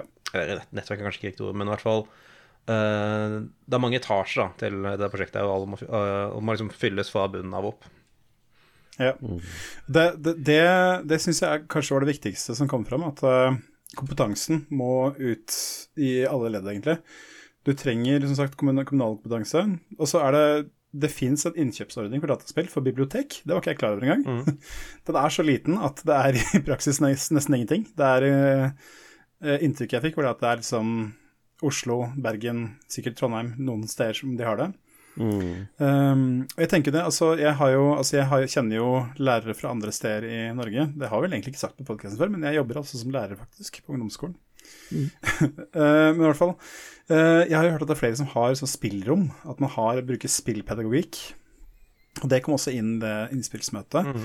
Um, altså, jeg kan jo si litt, da. Det er bare For å ta min, mitt lille spiel nå, så er det det at uh, jeg skulle ønske da, at jeg kunne bruke spill i undervisninga. Det er sånn um, eh, Fordi Altså, jeg forventer ikke at noen her har satt seg inn i nye gjeldende læreplan for grunnskolen. Jeg det har jeg. ikke akkurat kommet på det, men eh, dessverre. Nei, det har ikke kommet så langt, liksom. Det er- Ligger i, ligger i reading list. Ja, ja. Det er på to do-lista, stemmer. Ja, ikke sant. Nei, men i hvert fall, uh, veldig kort, da, så er det sånn at uh, eh, I hvert fall i norskfaget, som jeg bryr meg om, det er det eneste jeg bryr meg om, for at jeg er norsklærer. Det er ikke helt sant, men Jo, det er sant. Men en, en sånn stor greie, det er det her med tekstkompetanse eh, og digital dømmekraft. Eh, og eh, tekstkompetanse, det kan være så mye rart. Det kan være at man eh, klarer å vurdere ting man leser på nett, f.eks. Det kan være at man eh, ser en TV-serie og klarer å forstå hva som skjer, når det på en måte ikke sies rett ut. Sånne ting. Og det er liksom For meg så handler det også om uh, spill, da. Altså interaksjoner i spill med andre. Det, det henger jo sammen, spør du meg, da. Altså ja, altså det, er- det er jo Når vi snakker om sånne negative inntrykk som har fått feste seg, så er det jo også et annet inntrykk. Er det at eh, når du spiller, så er det ikke det med raging og sånt, at man blir sint, man utagerer noe voldsomt, man kaller opp, man bruker ord man egentlig ikke har lov til å si, sånne ting. Uh, og det som på en måte kom fram her, er at eh, hvis vi skal på en måte jobbe med dataspillkultur, da, at man skal bygge, bygge en god dataspillkultur som kan være inkluderende, for det er overhodet ingen grunn til at dataspillkultur ikke skal være inkluderende. For det er altså Det har ingenting å si om du er gutt eller jente, eller om du definerer, som, som noe annet enn gutt eller jente. Har ingenting å si om du er eh, hvilken legning du har. Og det er liksom som du sa, Sindre, altså det er informasjonsbåndbredden din som teller. Du kan være rågod i spill selv om du på en måte ikke klarer å treffe en ball. Uh, Ja, om du så sto om livet, liksom. så det er eh, litt sånne ting. Det er eh, Pluss at det er mange som på en måte Jeg vet jo det at på mindre steder så er det mange uh, barn og unge som faller utafor. Uh, som ikke har noe annen årsak enn at man bare er interessert i ting som de andre ikke er interessert i. Da. Eh, jeg er heldig nok til å jobbe på en skole er, som er stor nok til at man har liksom som regel en liten stamme der som driver med det man sjøl er interessert i. Men uh, mange har da sine, uh, sine stammer på nett, da, hvor man søker til og sånne ting. Og jeg tenker på at eh, det er en del av livet, det òg. Man skal lære litt av det med å forstå koder og sånne ting. Mm. Uh, sosiale koder også. Mm. Og da tenker jeg altså bruke dataspill, altså bruke det det du gamer, da. Hva, hva, har det, hva gjør det med deg som person? Hvordan oppfører du deg når du spiller? Uh, kan vi lære noe av spill? Jeg vet det er en helt håpløs ting å Ja, si. men, nei, men det, jeg, jeg vil jo sånn, som, som nevnt, da, så har jeg har spilt en del, eh, en del Dota, og før det spilte en del uh, and Europe, som er liksom en sånn Dota-aktig spill. Mm. Da. De er jo notorisk for å være de mest sånn jævligste uh, spillene sånn der sosialmessig. Da. Sånn, det er kanskje Mm. noe mest sånn Hva er et godt norsk ord for toxic? Ja, uansett, du vet hva jeg mener. Toxic. Ja. Eh, men jeg vil si at jeg har bare, etter, etter å ha spilt det en stund, så har jeg bygd ganske tykk hud og fått liksom mosjonert eh, kan jeg kalle, Det jeg vil kalle den uh, mosjonelle intelligensen min. Rett og slett bare fordi sånn der, Noen ganger blir jeg skikkelig sint, så bare, tenk, bare tar jeg meg selv og bare sånn Hva er det jeg driver med nå, liksom? Og bare, da må jeg ha noen øyeblikk med sånn selvinnsikt og alt det der. Da. Så da har det, Ja, ja. sånn, jeg føler definitivt at sånn En grunn til at jeg ble på en måte litt hekta på det spillet, var fordi uh, Først og fremst er det et interessant spill, men også sånn jeg følte at hver runde så lærte jeg noe nytt om enten meg selv eller om menneskeheten generelt. Og det var ikke alltid nødvendigvis gode ting, men det var i hvert fall veldig begi- begivende. Ikke sant? Men, Nei, men at, altså at, at, man, at man har et utbrudd uh, av, av noe slag, er jo ikke unaturlig. For når man sitter eh, i uh, en sånn situasjon Det trenger ikke være et spill engang. det kan være et eller annet, bare, bare Hvis det er et eller annet du sitter og sånn nifokuserer og nikonsentrerer på, så bygger du opp veldig mye spenning oh, ja. i, i deg sjøl. Og de, om det går bra eller om det går dårlig, uansett, så, vi, så det, vil, det vil komme et utbrudd. Det er bare helt naturlig. Uh, spørsmålet er liksom hva du gjør ut av det, da. Jeg kjenner, jeg kjenner jo noen som, jeg kjenner jo noen som spilte, spilte Dota semiproft, og han fikk faktisk uh, Fikk faktisk en sånn sportsskade, eller han fikk skink i nakken, fordi han satt og var så anstrengt og liksom anspent. Ikke sant? Så plutselig måtte han, så han måtte ta på en Paracet og legge seg ned og få en sånn, og bare holde hodet stabilt. Ja ja, ok. Ikke sant. Nei, men altså Det, altså det Selvfølgelig, det er eh, Altså, spill det, det, det er det som er greia. Altså, spill er jo noe som aktiverer uh, følelser. Det, det skaper en respons hos deg. Um, men jeg syns det er altså Grunnen til at de driver og leser ting i, i, på skolen, grunnen til at de jobber med matematikk og sånne ting, er for at man skal lære noe man har bruk for seinere, ikke sant. Ehm, hvorfor ikke da ha med litt fra spillhverdagen?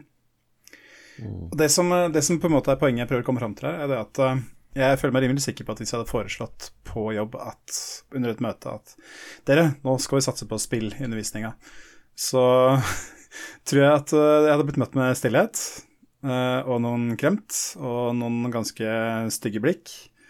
Og det tror jeg er litt fordi at eh, Altså, én ting er det at det fins virkelig ikke penger til det, det, er den ene ting. Men en annen ting er det at Altså, kompetansen er ikke der, da. Altså eh, Disse jævla gamere, vet du. De som driver og sitter og spiller til langt på natt og drikker uh, Sett monster i rett intravenøst i åra. Ja, ja. Det er liksom Det er litt der, altså. Det er, eh, man har liksom ikke den muligheten for at man kan bruke den, det til ting, er liksom, den, er, den er ikke til stede, da.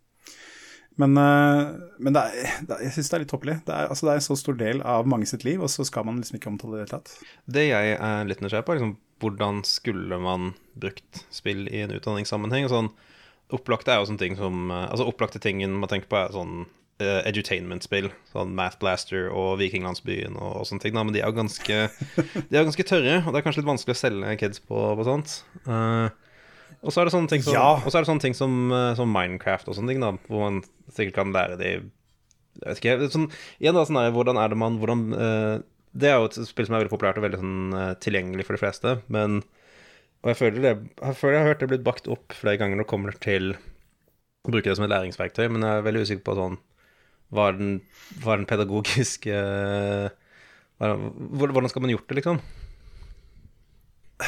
Eh, skal vi ta Jeg kan, jeg kan holde sånn litt sånn adhoc-foredrag om uh, hvilke pedagogiske filosofier vi kunne brukt før. Nei, men, Nei da, men uh, altså, altså Du kan si Vi tenker på Minecraft Education Edition, hvor man på en måte går sammen og bygger ting, og man har undervisning i spill og sånne ting, og man løser oppgaver, f.eks. Uh, arkitektur, ikke sant, stil og sånn stil og sånn noe. Man skal lage tablåer som fremstiller historier og sånn noe.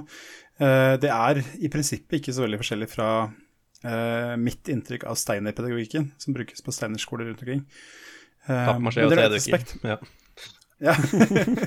ja, men altså, jeg mener det. Det er, det er ikke så langt unna. Men uh, hvis du, uh, en ting man kan kikke på, det er spillpedagogene. Det er .no. De har uh, veldig mange læringsopplegg. Men eh, jeg tenker det her med tekstforståelse, altså. Det er, eh, altså hvor ofte kommer du ikke over et spill hvor du tenker at faderland, her er det noe som eh, En historie som ikke kunne vært mulig å oppleve hvis ikke det hadde vært et spill. Ja, ja. Det er, eh, du kan ta noe så enkelt vi har nevnt det tidligere, har vi ikke det? det uh, Brothers A Tale of Two Sons Mm. Jo, det snakker vi om. Ja. har uh, vi snakka om tidligere. Det er jo Altså, for det første så er det jo det at interaktivitet er en, et fortellergrep i det spillet. En annen ting er det at det er uh, nesten også laga for å få støtte fra NFI, for at det er Det er, bruker jo da norrøn mytologi, det bruker uh, folkeeventyr og sånne ting. Eh, Det er jo lagd i Sverige Um, som bakteppe da, for historien. Uh, nei, men altså, det er uh, Jeg tenker bare på Jeg tenker bare på Altså Når jeg underviser i tekster, så er liksom Da legger vi vekt på det her med altså, førle, da. Hva gjør du før du leser? Uh, hva er det du forventer av den teksten her? ikke sant? Det er liksom for å aktivere kunnskapen som elevene har. ikke sant? Altså, jo, jeg har lest en sånn tekst før. Jeg kan kikke på bildene hvis det er bilder. Jeg kan lese overskriften. Jeg kan se bak på boka hvis det er en roman. ikke sant? Eh, og sånn sånn, sånn, det er fordi at vi gjør det hele tida sjøl. Vi, vi voksne gjør det automatisk. Du kikker på baksida av boka. Du tenker 'Å ja, det er en sånn eh, Det er en sånn TV-serie. Da forventer jeg at det, det skal skje.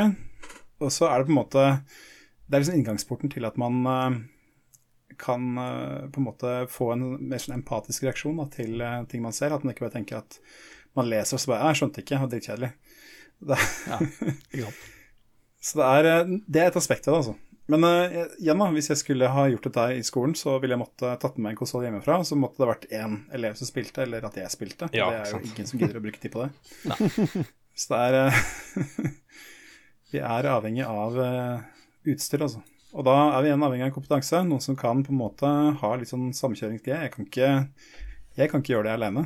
Mm. Jeg kan kanskje gjøre det med én annen lærer, men ikke med en hel lærergruppe. da. Men uh, har ikke alle elevene, eller kanskje ikke over en viss alder, har ikke alle egen laptop og sånn i mange timer nå? Eh, det varierer. Det er opp til kommunene å bestemme. Mm. Yeah. Uh, jeg vet det er to plattformer som er populære. Uh, mer enn alle andre, tror jeg. I hvert fall i grunnskolen. Og jeg, jeg må snakke fra grunnskoleperspektiv, for det er der jeg jobber. Det er der jeg har min erfaring, ikke, ikke videregående. Det er fylke, og det er noe annet. Eh, det er fylke. Vi bryr ikke om videregående i det hele tatt. det er ikke sant. Men um, å, jeg, må, slutte å komme på sånne digresjoner om skoleting, for at da blir jeg til i morgen. Altså. Ja, jo. Det er sko skolegal. Skolegal, ja. Det er Skolegals podcast. Nei, det er to plattformer, og det er eh, iPad og det er Chromebook. Mm. Det mening. Eh, Det er, det, det er de to jeg har hørt om fra andre lærere som jobber i grunnskolen på, på, fra Norge. Ja, for skulle jo tro det var litt sånn potensial for hvis For da, da, da er det jo ikke så farlig at det ikke er penger hvis man alle uansett har en sånn device, da. At man kunne hatt noe i nettverk på en eller annen måte. Men Spill koster penger. ja, det Ja. Ja, og det har, Altså, men eh, altså, det, altså bare for å Uten å skulle oute noen her nå, så eh, Så går det an å si det at det er mange kommuner nå hvor man har gått bort fra å kjøpe skolebøker fordi at man har ikke råd til det. Man har Det så kjøpt iPader, og man har kjøpt eh, Det er så ille. Mm.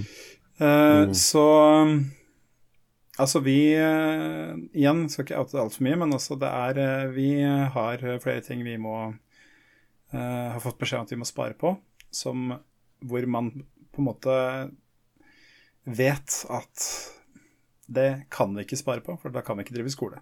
Så det er litt, vi er litt der, altså. Uff. Ja, det er trist. Ja, Det, snodig. Det, det er egentlig helt uholdbart, men eh, det er en helt annen diskusjon. Men uh, den diskusjonen det forer også litt tilbake igjen da, til uh, mye, mye av liksom, fellesproblemet her. Da, uh, for egentlig alle disse leddene, da, sånn spilling i skolen, e-sport og spillindustrien, da, er at det, det puttes ikke særlig mye penger i dette her, altså. Sånn eh, Nei. Og det er liksom sånn Det høres veldig naivt ut å bare si at løsningen er, løsningen er å bare gi oss mer penger. Men sånn, ofte så er det egentlig ikke vanskeligere enn det. Sånn nå Man vi bare sørge for at det liksom selvfølgelig forvaltes riktig og alt det her, da. Men jeg, jeg vet ikke helt hvordan det er med alle disse andre satsingene, men jeg vet f.eks. at um, de, det antallet da, som er øremerket fra NFI til spill i året, det er vel rundt 20 millioner kroner. Ehm, som høres mye ut. Sånn, jeg skulle gjerne hatt 20 millioner kroner, ikke sant? Men når du tenker at du skal, dette, skal du dele på, dette skal du dele på hele Nor Norges spillindustri eh, Det er Jeg gjorde matten nå kjapt nå. Hvis du tar liksom en gjennomsnittslønn på Norsk gjennomsnittslønn på 550 000, så er det 36 og, et, eh, og en tredjedels årsverk. Så Yep. det tar Ja. Det jevne spill tar i hvert fall mer enn et år å lage, så den kan du sikkert kutte i to hvis du antar at du har eh, et team på, eh, på 18 folk, ikke sant? Eh, men så krever gjerne et spill litt mer enn Ja 18 folk å lage òg, da. Så det er sånn Du klarer knapt å finansiere et lite studio med det der, og det skal hele ja, ikke sant. industrien dele på. Ja, for det var eh, En av de som hadde et innlegg der, var jo Snowcastle Games. Ja, Og Bendik, ja. han, ja, han nevnte jo at eh, de, de koster fra 20 til 60 millioner, Ja. spilla der. Ja, Mm. det er, det er det de gjør. Så eh, ja, det er jo, det er jo fis i motvind, det der støtta de får fra Ja, NFI. jeg tenker jo sånn Mm. uh, eh, Jeg tenker det, det som ofte hjelper meg å tenke på hvordan det budsjetteres, er å bare konvertere det her til britiske pund eller amerikanske dollar, og da innser du at det her er jo Det er to, det er to, millioner, to millioner dollar, liksom. Det er en Ja. lavbudsjett B-film fra 80-tallet, liksom. Ja, ja, det er ingenting. Det er egentlig ingenting. Yes. Nei, altså selvfølgelig, det, det, er, det er jo Altså, det er ingen Altså, alle var jo enige om at det trengs mer penger, men det er jo snakk om hvordan det skal fordeles. Ja. Men jeg tenker det at um, det som uh, sto veldig tydelig fram for meg, var det at uh, mye av det kan du løse uh, hvis du ser, tenker litt sånn på tvers av sektorer, da. Altså, skolene kan få et uh, spillrom uh, som uh, brukes av skolen på dagtid. Da trenger du utstyr, du trenger et rom. Rom har vi, det skal vi få til. Men vi trenger også kompetanse, ikke sant. Ja. Og vi trenger eh, På kveldstid så kan man ha fritidsopplegg der. Og da snakker jeg selvfølgelig ikke om sånn ungdomsklubb-greie, hvor du har en PlayStation i hjørnet, og så sitter folk og spiller, og så er det noen som eh, kjeder seg, og som begår hærverk, og så blir det ødelagt. Det er mer at man har organiserte aktiviteter Ja. eh, som krever igjen krever da selvfølgelig kompetanse, krever personell, og det krever innsats fra folk. Men det, innsatsen, den kommer, altså. Altså du har Hvor mange foreldre er det ikke som stiller opp som eh, fotballtrener, håndballtrener, hockeytrener, ikke sant? Så hvor mange foreldre er det som ikke hadde stilt opp som eh, e-sportorganisatør, eller arrangere spillprogrammeringskurs, arrangere cosplay-kveld, ikke sant, sånne ting. Altså, du har, eh, du har en mor som syr, ikke sant? Du har en pappa som eh, jobber i Som jobber for Norsk Tipping. Ja, ikke sant. Nå er det et lokalt eksempel, men det, du skjønner greia, ikke sant? Det var jo en ene Det var en som bakte opp det på det møtet, da. Var jo at eh, Mm. uh, At det er liksom en forventning, da, og at læreren skal på toppen av, uh, av alt andre de er nødt til å gjøre, så er de nødt til å i tillegg lære seg disse tingene og ha den, det, det driver engasjementet. Da. Det er jo helt urimelig. Uten noe, I hvert fall uten noe ekstra tilskudd, i hvert fall. Ja. Altså, jeg, jeg, kan, jeg kan ta den jobben, men da skal jeg ha Da, da må jeg frikjøpes, ikke sant. Må ha, da må jeg få redusert stilling og få noe stillingsprosent over på den rollen. Og det kan jeg gjerne tas på toppen av andre oppgaver, for det, er, det går an å løse. Da, men da må jeg bare stå fritt til å gjøre det. Og det er sånn det funker. Du får et ansvar, så ordner du det slik du ser, anser er best. Det funker, for at folk eh, er som regel engasjerte. Det er min erfaring.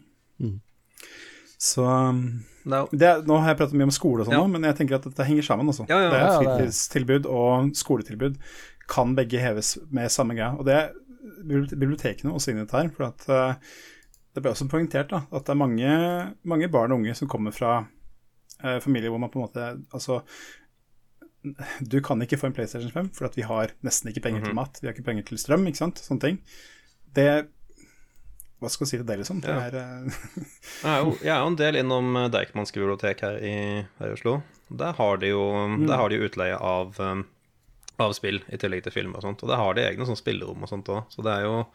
Det eksisterte en visker, da, men det er jo, dette er jo Deichmans bibliotek. Det er jo hovedbiblioteket i Norge, liksom. Så selvfølgelig slår det på stortomma der.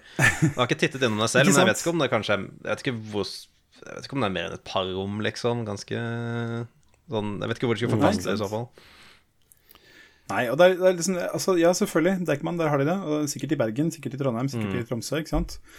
Eh, Stavanger også. Ja, men i hvert fall, eh, vi som bor eh, ikke like sentralt, Nei, ikke sant. har ikke noe sånt i det hele tatt. Nei. Og det er Altså, som sagt, jeg visste ikke at det fantes. Jeg er mye på biblioteket her, her i Stanga, altså. Der har de bl.a. veldig mange tegneserier, men Mm. ingen Og så har de noen veldig avdanka spill-PC-er hvor det går an å spille Roblox. Det er det de har. Ja, for det var vel, det var vel noe innspill fra bibliotek eh, eh, Bibliogames, ja. De, Ja, de. Games, ja. ja. De vil gjerne legge til rette for å, for få mer spill i bibliotekene. Dvs. Si tilgang til nye spill og spillplattformer.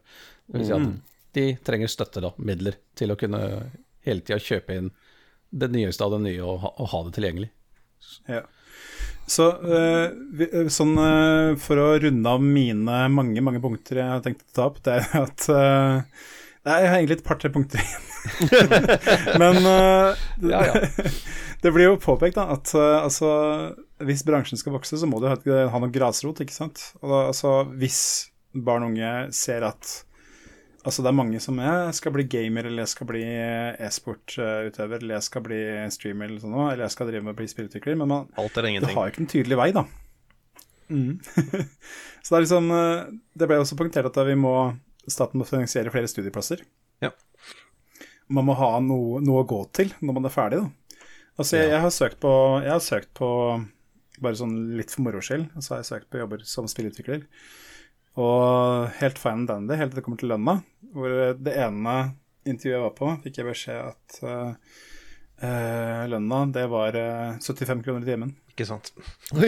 Ja. Det, Det er, liksom liksom nei, men, eh, Ja, så fint. Det var litt, det var litt, det var litt det jeg sa. Det er, sånn, det er alltid en ting. Det er, sånn, det er litt, litt som med e-sport også. Du, skal, du skal spille verdensligaen eller, eller ikke gidde. Uh, litt samme Mm. uh, jobb i spillindustrien nå. Du er nødt til å sånn, Det er harde kår. Det er, em, det, er, det er tungt arbeid. Altså. Det er sene timer, det er vanskelige, vanskelige oppgaver. Altså, det, det krever mye av deg. Og så er du langt ifra garantert suksess. Sånn, kanskje eller det motsatte, egentlig. Sånn, uh, eh, så du er nødt til å være skikkelig dedikert til det der.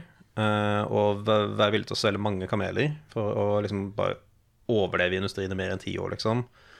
Eh, og mange som ikke orker det, og mange som bare ikke kan det. Sånn når de prater liksom om uh, uh, uh, representativitet og mangfold og sånt, så altså Det er jo en stor barriere hvis du er fra en litt sånn mer prekær økonomisk bakgrunn. Da vil du liksom ikke Da har du ikke muligheten da til å gamble, gamble karrieren din på, på det, ikke sant? Hvis du ikke har noe å falle tilbake på. Ikke sant. Så det, det, det, det henger veldig sammen, alt dette her, egentlig. Um, Det er en annen ting også, hvis jeg kan bare prate litt bredere om industrien igjen, eller er det noe mer du ville lufte? gjør det. Ja. Gjør det. Ja, for det er, også, det er også en litt sånn ting eh, Det ble også brakt opp i møtet her, da, at uh, Norge blir jo utkonkurrert av eh, hva kan si, søskenlandene våre, da, våre nærmeste naboer, Sverige og Danmark og Finland. Finland. Eh, de har jo ganske, ganske sterke industrier på eh, hver for seg. Eh, Norge har liksom ikke noe som kan måle seg med det. Funcom er liksom det nærmeste, men det er jo egentlig sånn en medium aktør internasjonalt allikevel. ikke sant? Særlig hvis du sammenligner med steder som, som som Dice og uh, Supercell og uh, ja, Unity, for eksempel, er jo dansk. ikke sant? Så det, er- det, er jo, det er jo Og mye av det er rett og slett bare fordi det, er her, det vi prater om nå, da, den der eh, investeringen og Grasrot eh, Grasrotoppbyggingen liksom det, har liksom ikke skjedd på samme måte. Og så har det liksom ikke vært ordentlig grobunn for at en industri bygger seg opp. Og det er også noe som er litt et problem med norsk industri, at det er, Det er litt sånn mager, det man kaller uh, institusjonell uh, kunnskap, da, eller kompetanse. For veldig mange, som, veldig mange fra Norge da, som vil gå inn i spillindustrien, de ender gjerne opp med å data, enten eh, må gi opp etter noen år, eller bare dra uh, inn i andre industrier. Um, hvis du kan programmere, så er det mye mer lukrativt å jobbe for Atensi eller et eller annet, i stedet for å jobbe for uh, I stedet for å jobbe for uh, en, en av de 20 startupene som holder seg i live, liksom. Og så, Eller så drar man bare til utlandet. Begynner å få en jobb i Sverige eller Danmark, ikke sant. Eh, eller England. Så det er mye sånn der vi, vi, eh, Det er kompetanse i Norge, absolutt, men mye av det bare forsvinner, for det er bare ikke, det er bare ikke god nok eh, grobunn. Eh, Det er liksom ikke, det er ikke et miljø hvor man kan finne seg en ordentlig karriere, da. Og det gjør det også vanskelig for nye, nye folk som faktisk har det drivet og faktisk vil prøve seg her i Norge til å faktisk få ting i gang. For det er sånn der, da har du, det er ikke så mange folk du kan lene deg på hvor du kan bare spørre bare sånn, "Ah, hvordan gjør vi dette her, og hva er gode, hva er gode business practice og alt det der. Fordi de fleste starter nesten fra scratch hver gang, ikke sant? Ja, men uh, ja. er det sånn at eh, toget egentlig har gått for eh, en, en eh, norsk spillindustri? At eh, hvis du ser på Skandinavia som en helhet, er, er Skandinavia stort nok til at vi kan ha en stor norsk spillindustri i tillegg til den svenske og den eh, finske? Eller er rett og slett den svenske og finske blitt så stort nå at det er ikke plass til norsken lenger?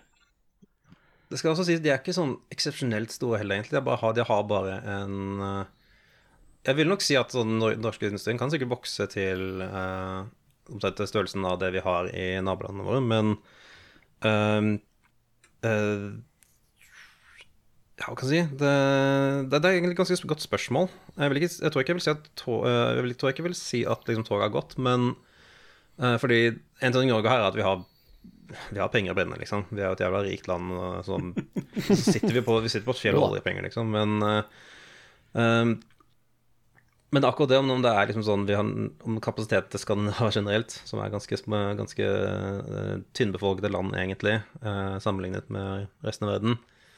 Om det er, er, er liksom nok kapasitet for det, det er godt, godt, godt spørsmål. Eh, jeg kan ikke gi noe svar på det, men jeg, jeg føler ikke at det er tilfellet. Jeg tror det er nok, eh, jeg tror det er nok, eh, jeg tror det er nok rom til mer enn det vi har, i hvert fall. Ja, ok. Jeg tenker bare på um, Altså, jeg bor jo rett utenfor Hamar, som uh, har den eldste og den største uh, spillrelaterte utdanninga i landet. Uh, uten at jeg skal si at jeg har full oversikt, så, så vet jeg at det er et godt miljø på Hamar. De, de har arrangert Game Jam i mange år. Jeg har vært med der flere ganger. Det er kjempeartig. De har da hadde de med De har hatt med mange mange kjente folk som har vært innom. Uh, Chet Falisak var med et år. Ja, Og, Din gamle sjef. så jeg har hilst på han. Ja, ikke sant? og det, det, for, for eksempel, da. Og det er, men uh, tenker på hvis man ser på sånn som Krillbite, som starta på Hamar. De flytta jo til Oslo. Mm.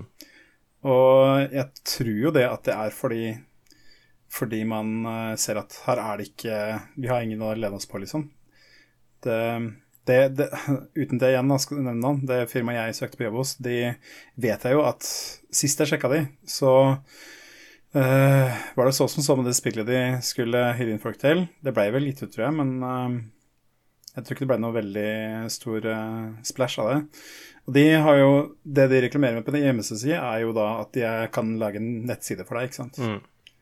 Så det er, de må ha, det er liksom Spill blir liksom sånn etterpåslenger Ja. når man kanskje egentlig har mest lyst til å drive med det.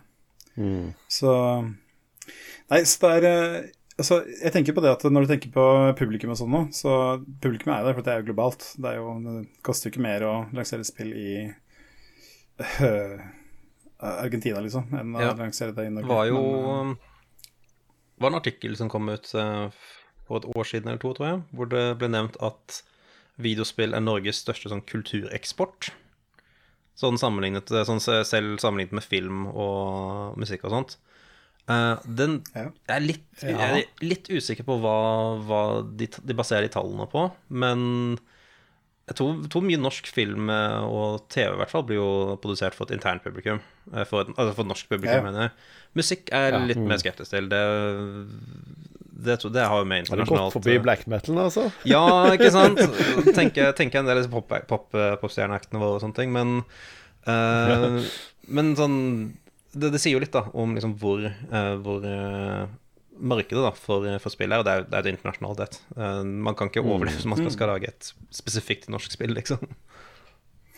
Nei, da, da er vi inne på det, det ene punktet jeg noterte ned her. Og jeg vet, dette er på en måte bare min lille antakelse. Jeg har ikke noe faste holdepunkter. Men eh, det framheves veldig, da, i, i hvert fall av den forrige spillstrategien, så framheves det veldig det her med at eh, spill skal være kulturelle og eh, eh, Hva skal jeg si Kulturelle og kunstmessige objekter, ikke kommersielle. Det er ikke like mye Det er mye mer katedral enn børs, da, som kommer fram i den rapporten, egentlig. Godt sagt, ja. Og jeg, jeg får litt sånn inntrykk av at skal du få støtte fra NFI, så skal det helst være noe med bunadsmønster eller rosemaling eller uh, ja. innst i fjor, liksom. Altså, og da mener jeg ikke å kritisere spill, for at det, de eksemplene var, hørtes litt sånn tilfeldig ut, men det er, det er blitt laget et eh, spill som har rosemaling-estetikk. Det heter Pode. Det er et spill som foregår i fjor. Det er Draugen.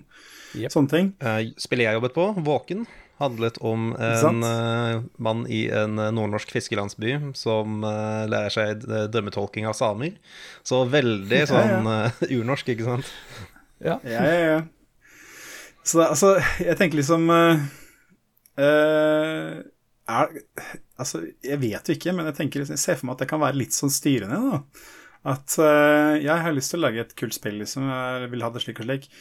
Eh, ja, så får vi ta med litt sånn samisk kultur, da. Sånn at det er, får støtte fra NFI. Jeg vet ikke om det jeg vet ikke om det er sånn. Ja, jeg, jeg var jo ikke så veldig med på liksom, de pitching-prosessene, så jeg vet ikke helt om det var sånn um, Om det var eksplisitte krav, eller om det var uh, på en måte implisitt. At liksom sånn, du, hadde, du fikk inntrykk da, at det var det som fikk uh, oppmerksomhet. Uh, eller kanskje om det bare rett og slett er at eh, folk antar det, og, liksom, og så liksom justerer eh, pitchene sine basert på det. da. Så jeg skal ikke, si, jeg skal ikke liksom peke fingeren på NFI og si at de har sånn der eh, helt som firkantet drømmer. Jeg vet temmelig sikker på at de hadde det en stund, men jeg vet ikke om det har endret seg i senere år. Men eh, en eh, effekt med NFI som jeg opplevde på, som jeg opplevde på Våken, var jo at uh, skal du søke om NFI, så må du vise de prosjektet ditt. Du må liksom pitche det og liksom forklare dette prosjektet, dette er det vi trenger, her er liksom her er budsjettet vårt, her er tidsplanen vår, osv. Um, men vi, du er nødt til å vise frem noe, da.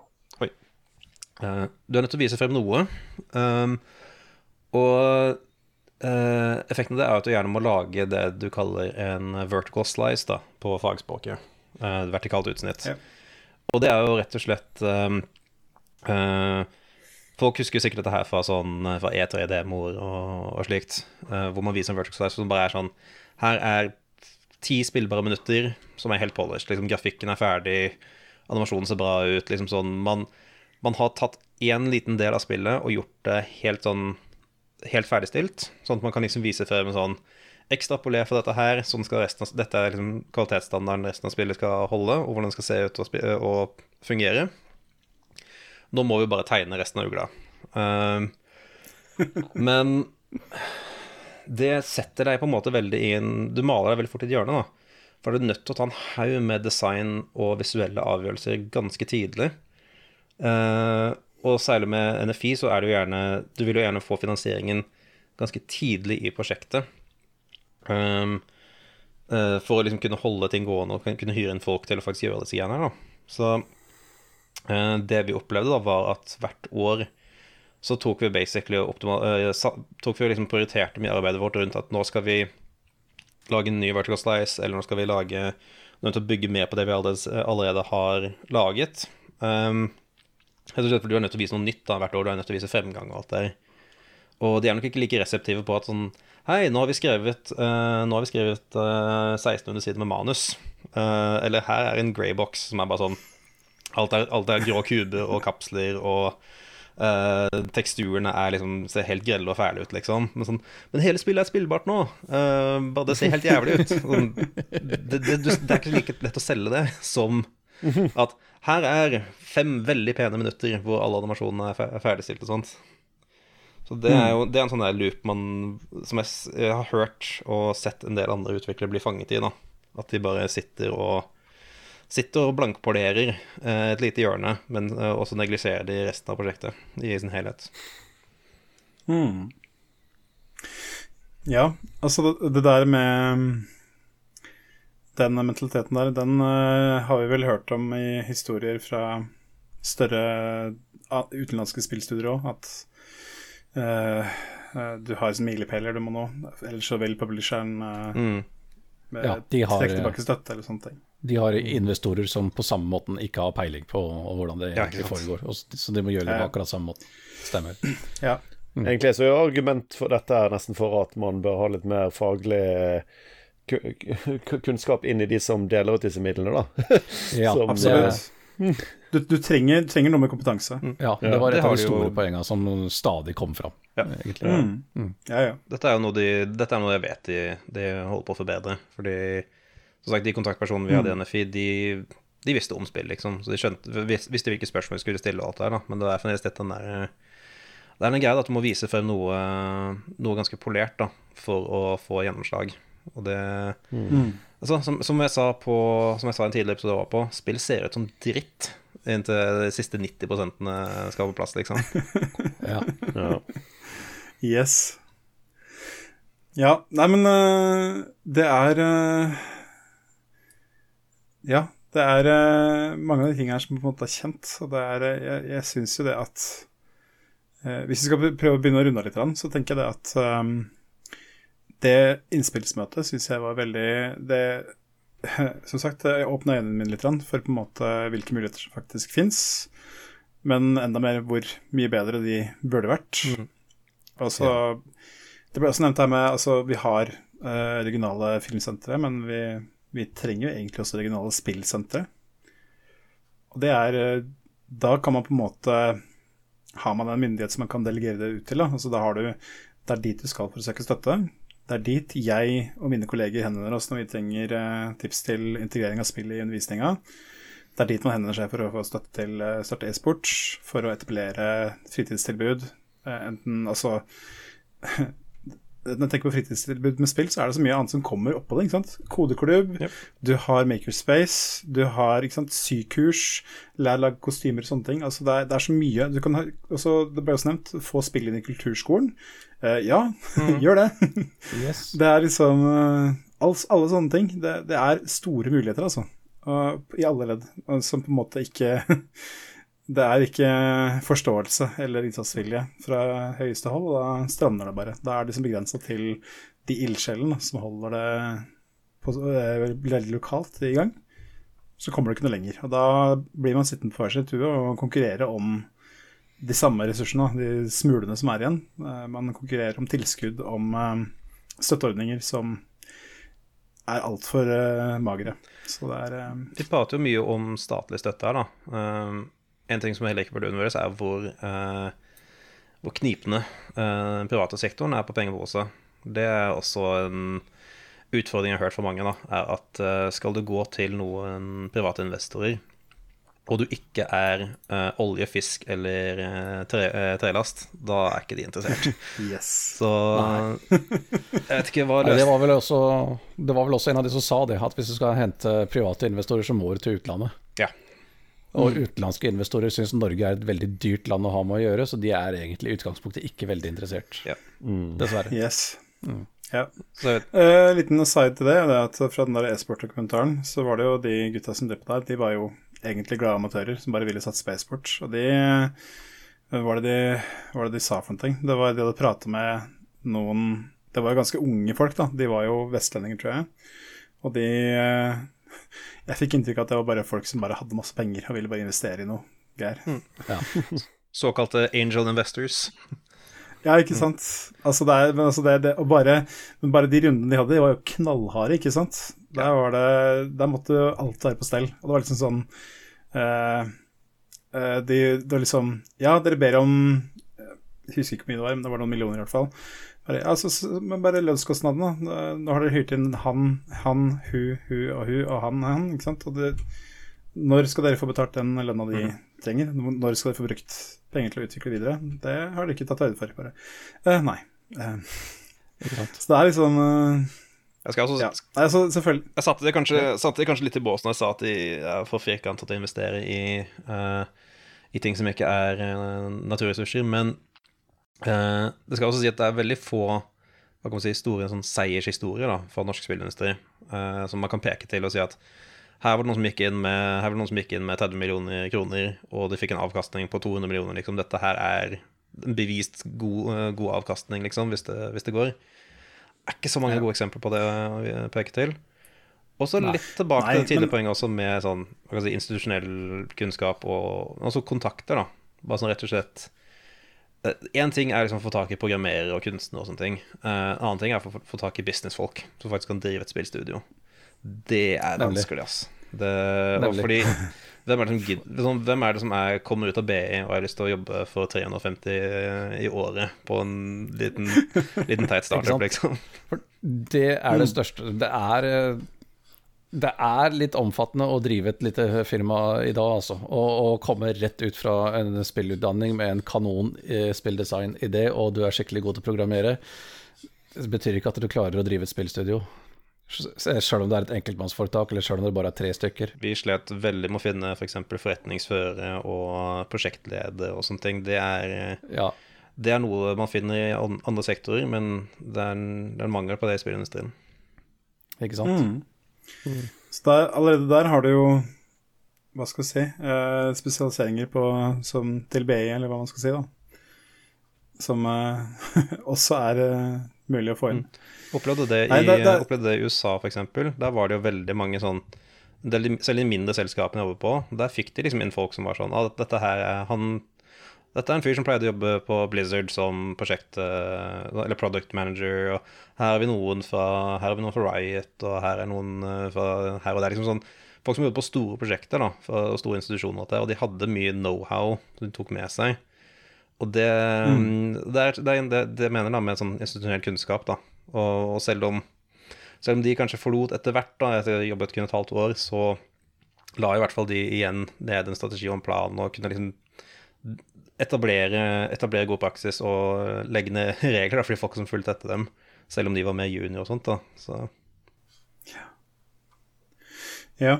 Altså, det, det er jo Du kan si at det er eh, litt symptomatisk på at spill er det det er, da. Altså det er både kultur og business.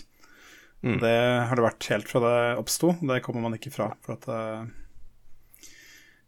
Altså, som det ble poengtert, da. Altså, ja, hvis du er musiker, du trenger ikke mer enn en gitar. Hvis du er forfatter, trenger du ikke mer enn en PC. Men uh, å lage spill tar jævlig lang tid, og det er mye mer komplisert. Yes. Så det er uh, I hvert fall hvis du skal uh, selge og tjene inn 200 millioner, noe som de færreste gjør. Det må også understrekes.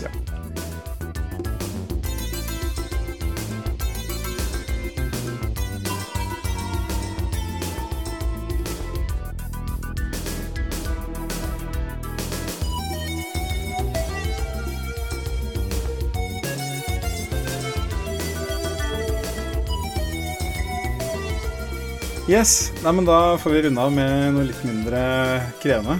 for jeg tro. Det er anbefalinger. Eh, Jeg, Ja, jeg tenkte bare kuppe og si at jeg, jeg starter med min anbefaling. Det er fordi jeg har hatt sammenheng med det vi har snakka litt om. Eh, Min anbefaling i dag det er frivillighet. Og Det høres kanskje litt rart ut fra, kommer fra meg, men eh, jeg har vel ikke sagt så mye om det. Men jeg har vært med i kodeklubben på Hamar i mange år. Mange mange. I noen år. Um, det Kodeklubben er jo altså da bare at man uh, møter opp uh, uten, å ta, uten å få penger for det. Man planlegger uh, kurs som går på programmering. Vi lener oss Vi har ett sånn begynnerkurs, har hatt ett begynnerkurs for småskoleelever, så, hvor kravet er at du må være sju år, og du må kunne lese. Og skrive, helst. Og så bruker man da lærer man da koding eh, med fortrinnsvis scratch, og så kan man gå videre til andre kurs. Jeg har kjørt spillprogrammeringskurs i flere runder. Det har vært sabla moro. Det var eh, En gang så var det Så da hadde jeg med meg en annen eh, kursholder og vi, som jobba i et spillfirma på Hamar. Vi hadde laget, vist de kode, da, for slik kan du lage en kode som kan skyte en missil. Da, ikke sant? Altså, mm -hmm. enkel, simpel greie i Unity. Og så var det en eh, gutt som fant ut at eh, ja, men hvis jeg bare gjør om på koden Det er- bare å spåne et objekt, ikke sant, og så blir det objektet lagt til i spillet, og så skal det da skyte framover og eksplodere. Han han ut at ja, men jeg kan jo fjerne den biten som gjør at den går framover, og så kan jeg bare la den henge der. Så har jeg plutselig lagd Fortnite. Ja. så det, det gjorde han på eh, to timer på en kveld. Så det er, sånne øyeblikk er det mange av, altså. Det er veldig kult. Det er, hvis man driver litt med programmering Du trenger ikke være god i programmering, du trenger ikke kunne noe særlig om det for å stille opp som frivillig på Kodeklubben. For det er masse opplegg ute der. Vi bruker mye fra Lærkids og Koding, som er en frivillig organisasjon. Um, de har masse opplegg. Og min erfaring er at hvis du, hvis du sier eh, 'jeg har lyst til å holde et kurs om', og så sier du noe, og så sier man da bare 'ja, kjør på'. Og så ser man om noen er interessert i å bli med på det. Så jeg har hatt kurs i spillprogrammering, som sagt. Jeg har også et kurs i 3D-printing med koding. Gøy. Også veldig, veldig moro. Ehm, ja, det er mange ting man kan gjøre. Hvis man Nei. ikke ja, ja. Hvis man ikke liker å drive med koding, så finner man noe annet man kan stille opp med. Det er bare det å møte folk og bidra med ting, det er en følelse som ja, er veldig god, da. Jeg har litt sånn relatert eh, sånn Jeg har ikke, jeg har ikke vært fri, frivillig sjøl, men jeg har tenkt at det er noe man burde gjøre, å være godt menneske og sånn. Og en jeg så i nærområdet mitt da, som virket litt kul, var sånn uh, brettspillklubb. Eh, forresten, brettspill er skikkelig kult. Eh, for, Ja, ja. for litt sånn uh, vanskeligstilte ungdom i nærområdet, da. Og så bare en unnskyldning til å gå og spille brettspill uh, en gang i uken, og gjøre en forskjell for noen. Ja. Det er mye, mange kule ting man kan gjøre som ikke nødvendigvis koster så mye av deg, da, på en måte, hvis du syns det er kult å drive med utgangspunktet. Så jeg har, men jeg har ikke gjort det, da, så jeg skal jo ikke skryte av meg sjøl for det. Men jeg, Nei, men altså, det er en god eh, idé. Hvis, hvis du syns det høres eh, ålreit ut, så kan du jo stikke dem og høre om de har behov for noe Mm. Altså, det, det, altså, du må ikke være kursholder eller liksom stille opp så mye, men det kan hende de har behov for noe andre tjenester. Mm. Jeg synes at hvis du, hvis, du, hvis du har noe du interesserer deg for, som du liker å drive med, så sjekk om det er noen som driver med noe eh, frivillig i nærheten av der du bor. Så kan det hende at du ja, får gjort noe du liker, og får hatt det hyggelig, og kanskje får gjort, gjort en liten forskjell for noen. Som er en veldig god ting. Veldig, veldig bra altruistisk eh, anbefaling. Ja. Jeg Ja, føler meg litt flau over min nå, men uh, den kan jeg ta, den Nei, kan jeg ta etterpå. altså Nei, men du, du må huske på det at jeg, jeg framhever jo det at det føles godt for deg sjøl. Det er egoistisk. Alt er egoistisk motivert. Det er ren psykologi. Vi kan ikke alle ha fantastiske anbefalinger hver gang. For å si det sånn. Nei, jeg har, ja, forrige, forrige gang så anbefalte jeg at man ikke skal ha bikkje. Det er liksom det. Det var en fantastisk anbefaling. Nok om det. Jeg kan, jeg kan vel forsøke å følge opp på den der, da. Eh, fordi um, Ja. eh, det originalt jeg hadde planlagt å anbefale, var et, eh, var et eh, musikkalbum. Bare for å være litt, va- variere litt hva jeg anbefaler, så det ikke bare blir sånn YouTube-videoer og, og, og tull. Men eh, nå blir det altså en YouTube-video fordi diskusjonen rundt den derre uh, Mummy de- eh, Demastered um, eh, Ja. fikk meg til å tenke på den der Tom Cruise-mummifilmen. og den hadde jo en eh, helt fantastisk trailer. Eh, det vil si traileren som ble lastet opp på feil måte. Så det jeg mistenker skjedde der, var at uh, når du lastet opp traileren, så var, den, lyd, var lydsporet miksa til 5,1 surround. Og når man prøver å putte det opp på YouTube, så tar den jo stripper vekk alle lydkanalene bortsett fra den ene lille spot-høyttaleren i midten. Så Ah. det er en sånn full, full, sånn, sånn full sånn bombastisk sånn actionfilmtrailer. Men uh, det er ikke noe musikk. Det er ikke noe, det er noe voiceover. Du hører bare masse grynting og bare øh, øh, og bare sånn, sånn, Sånne der dumme Foley-lyder, og du hører litt, grann, du hører litt roping, men det skal egentlig være sånn Det skal være dramatisk musikk i bakgrunnen, så hører du bare en kar som roper bare 'Pen, pen, pen'. Den er, den er urkomisk. Uh, den ble jo tatt ned, selvfølgelig, for det var noe feil, men jeg garanterer at du kan finne, den, finne, finne en kopi av den eh, på YouTube et eller annet sted. Ja, noen har tatt vare på Ja, det er, det er et fantastisk stykke med, med uheldig komedie. Ja, Jeg skal, prøve, jeg skal prøve å finne linken og legge den ned i Ja. shownotesen. Ja, veldig. Yes. Yes. Terje, du er kontroversiell i dag med din anbefaling. Eh, ja, jeg anbefaler eh, tøfler. Tøf, tøfler er skikkelig digg. Altså, hvis du tror at det- Ja, kjempebra. Der ser vi Sindre viser fram sine. Ja, ja. Yes. Uh, ja, nei. Uh, bruk tøfler, rett og slett. Uh, vintertøfler, sommertøfler, hvis det er golfkaldt. øh, og alt det der. Du ikke gidd å gå rundt på gulvene i de der stygge, skitne, fettete føttene dine, nakne Ja. Og Nei, tøfler. Tøfler er kult. Ja, Særlig nå som det koster, Ja, som det koster 500 kroner kilowattimen, så jeg regner med at vi alle er for gjerrige til å faktisk fyre og ha på gulvvarme. Så Hjelp, for eksempel. Eh, Mm. Jeg skal, skal helt ærlig si at jeg går bar- barbeint året rundt. Mm. Det er uh... og er det sånn shorts på vinteren type også? du? eh, Jeg har brettet opp joggebuksa nå, og vinduet åpent. Men uh, shorts på vinteren er ikke, er ikke helt der ennå. altså. Ønsk deg, er ønsk, deg, ønsk deg tøfler til jul. Du kommer ikke til å angre. Jeg er Eh, ganske nei. fan av sånne grove, strikkede ullsokker, jeg. Ja, som det er liksom eh, Som uh, går u bare liksom de rett på huden, så får du sånn massasjeeffekt nærmest når du tråkker rundt. Så det er sånn grovt garn. Bygger ikke de opp den statiske elektrisitet øh, Du får noen sånn skikkelig kjipe støt innimellom? Jeg har ikke fått det, altså. Må leve litt farlig. Leve litt på Litt kanten, da. spenning i hverdagen. Og jeg er for mye borti det på jobb også, så det helst ikke. Ja, men det er det som er poenget. Altså, du bygger opp statisk elektrisitet, og så bare stikker du fingeren inn i stikkontakten, og så bare Ja, får du redusert strømregninga med, med Ja, ja bare et par-tre hundre kroner. der er du inne på noe, Sånn faktisk. Ja, det har jeg ikke tenkt på. Ok, drit i tøfler. Drit i tøfler, kjøp ullsokker. Helt i orden. Kjøp ullsokker kjøp ullsokker og stikk en gaffel i nærmeste stikkontakt.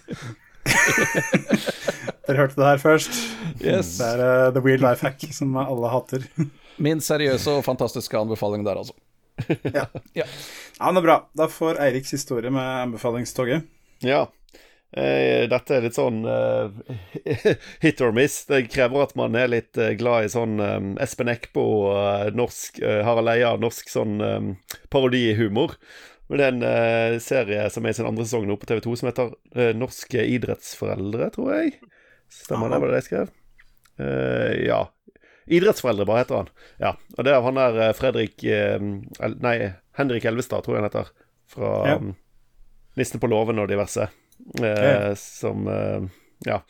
Så da er han liksom sånn forskjellige folk med gøyale dialekter og morsomme parykker, som eh, er liksom foreldre for i, Som eh, prøver å få ungene sine til å bli idrettsstjerner, da.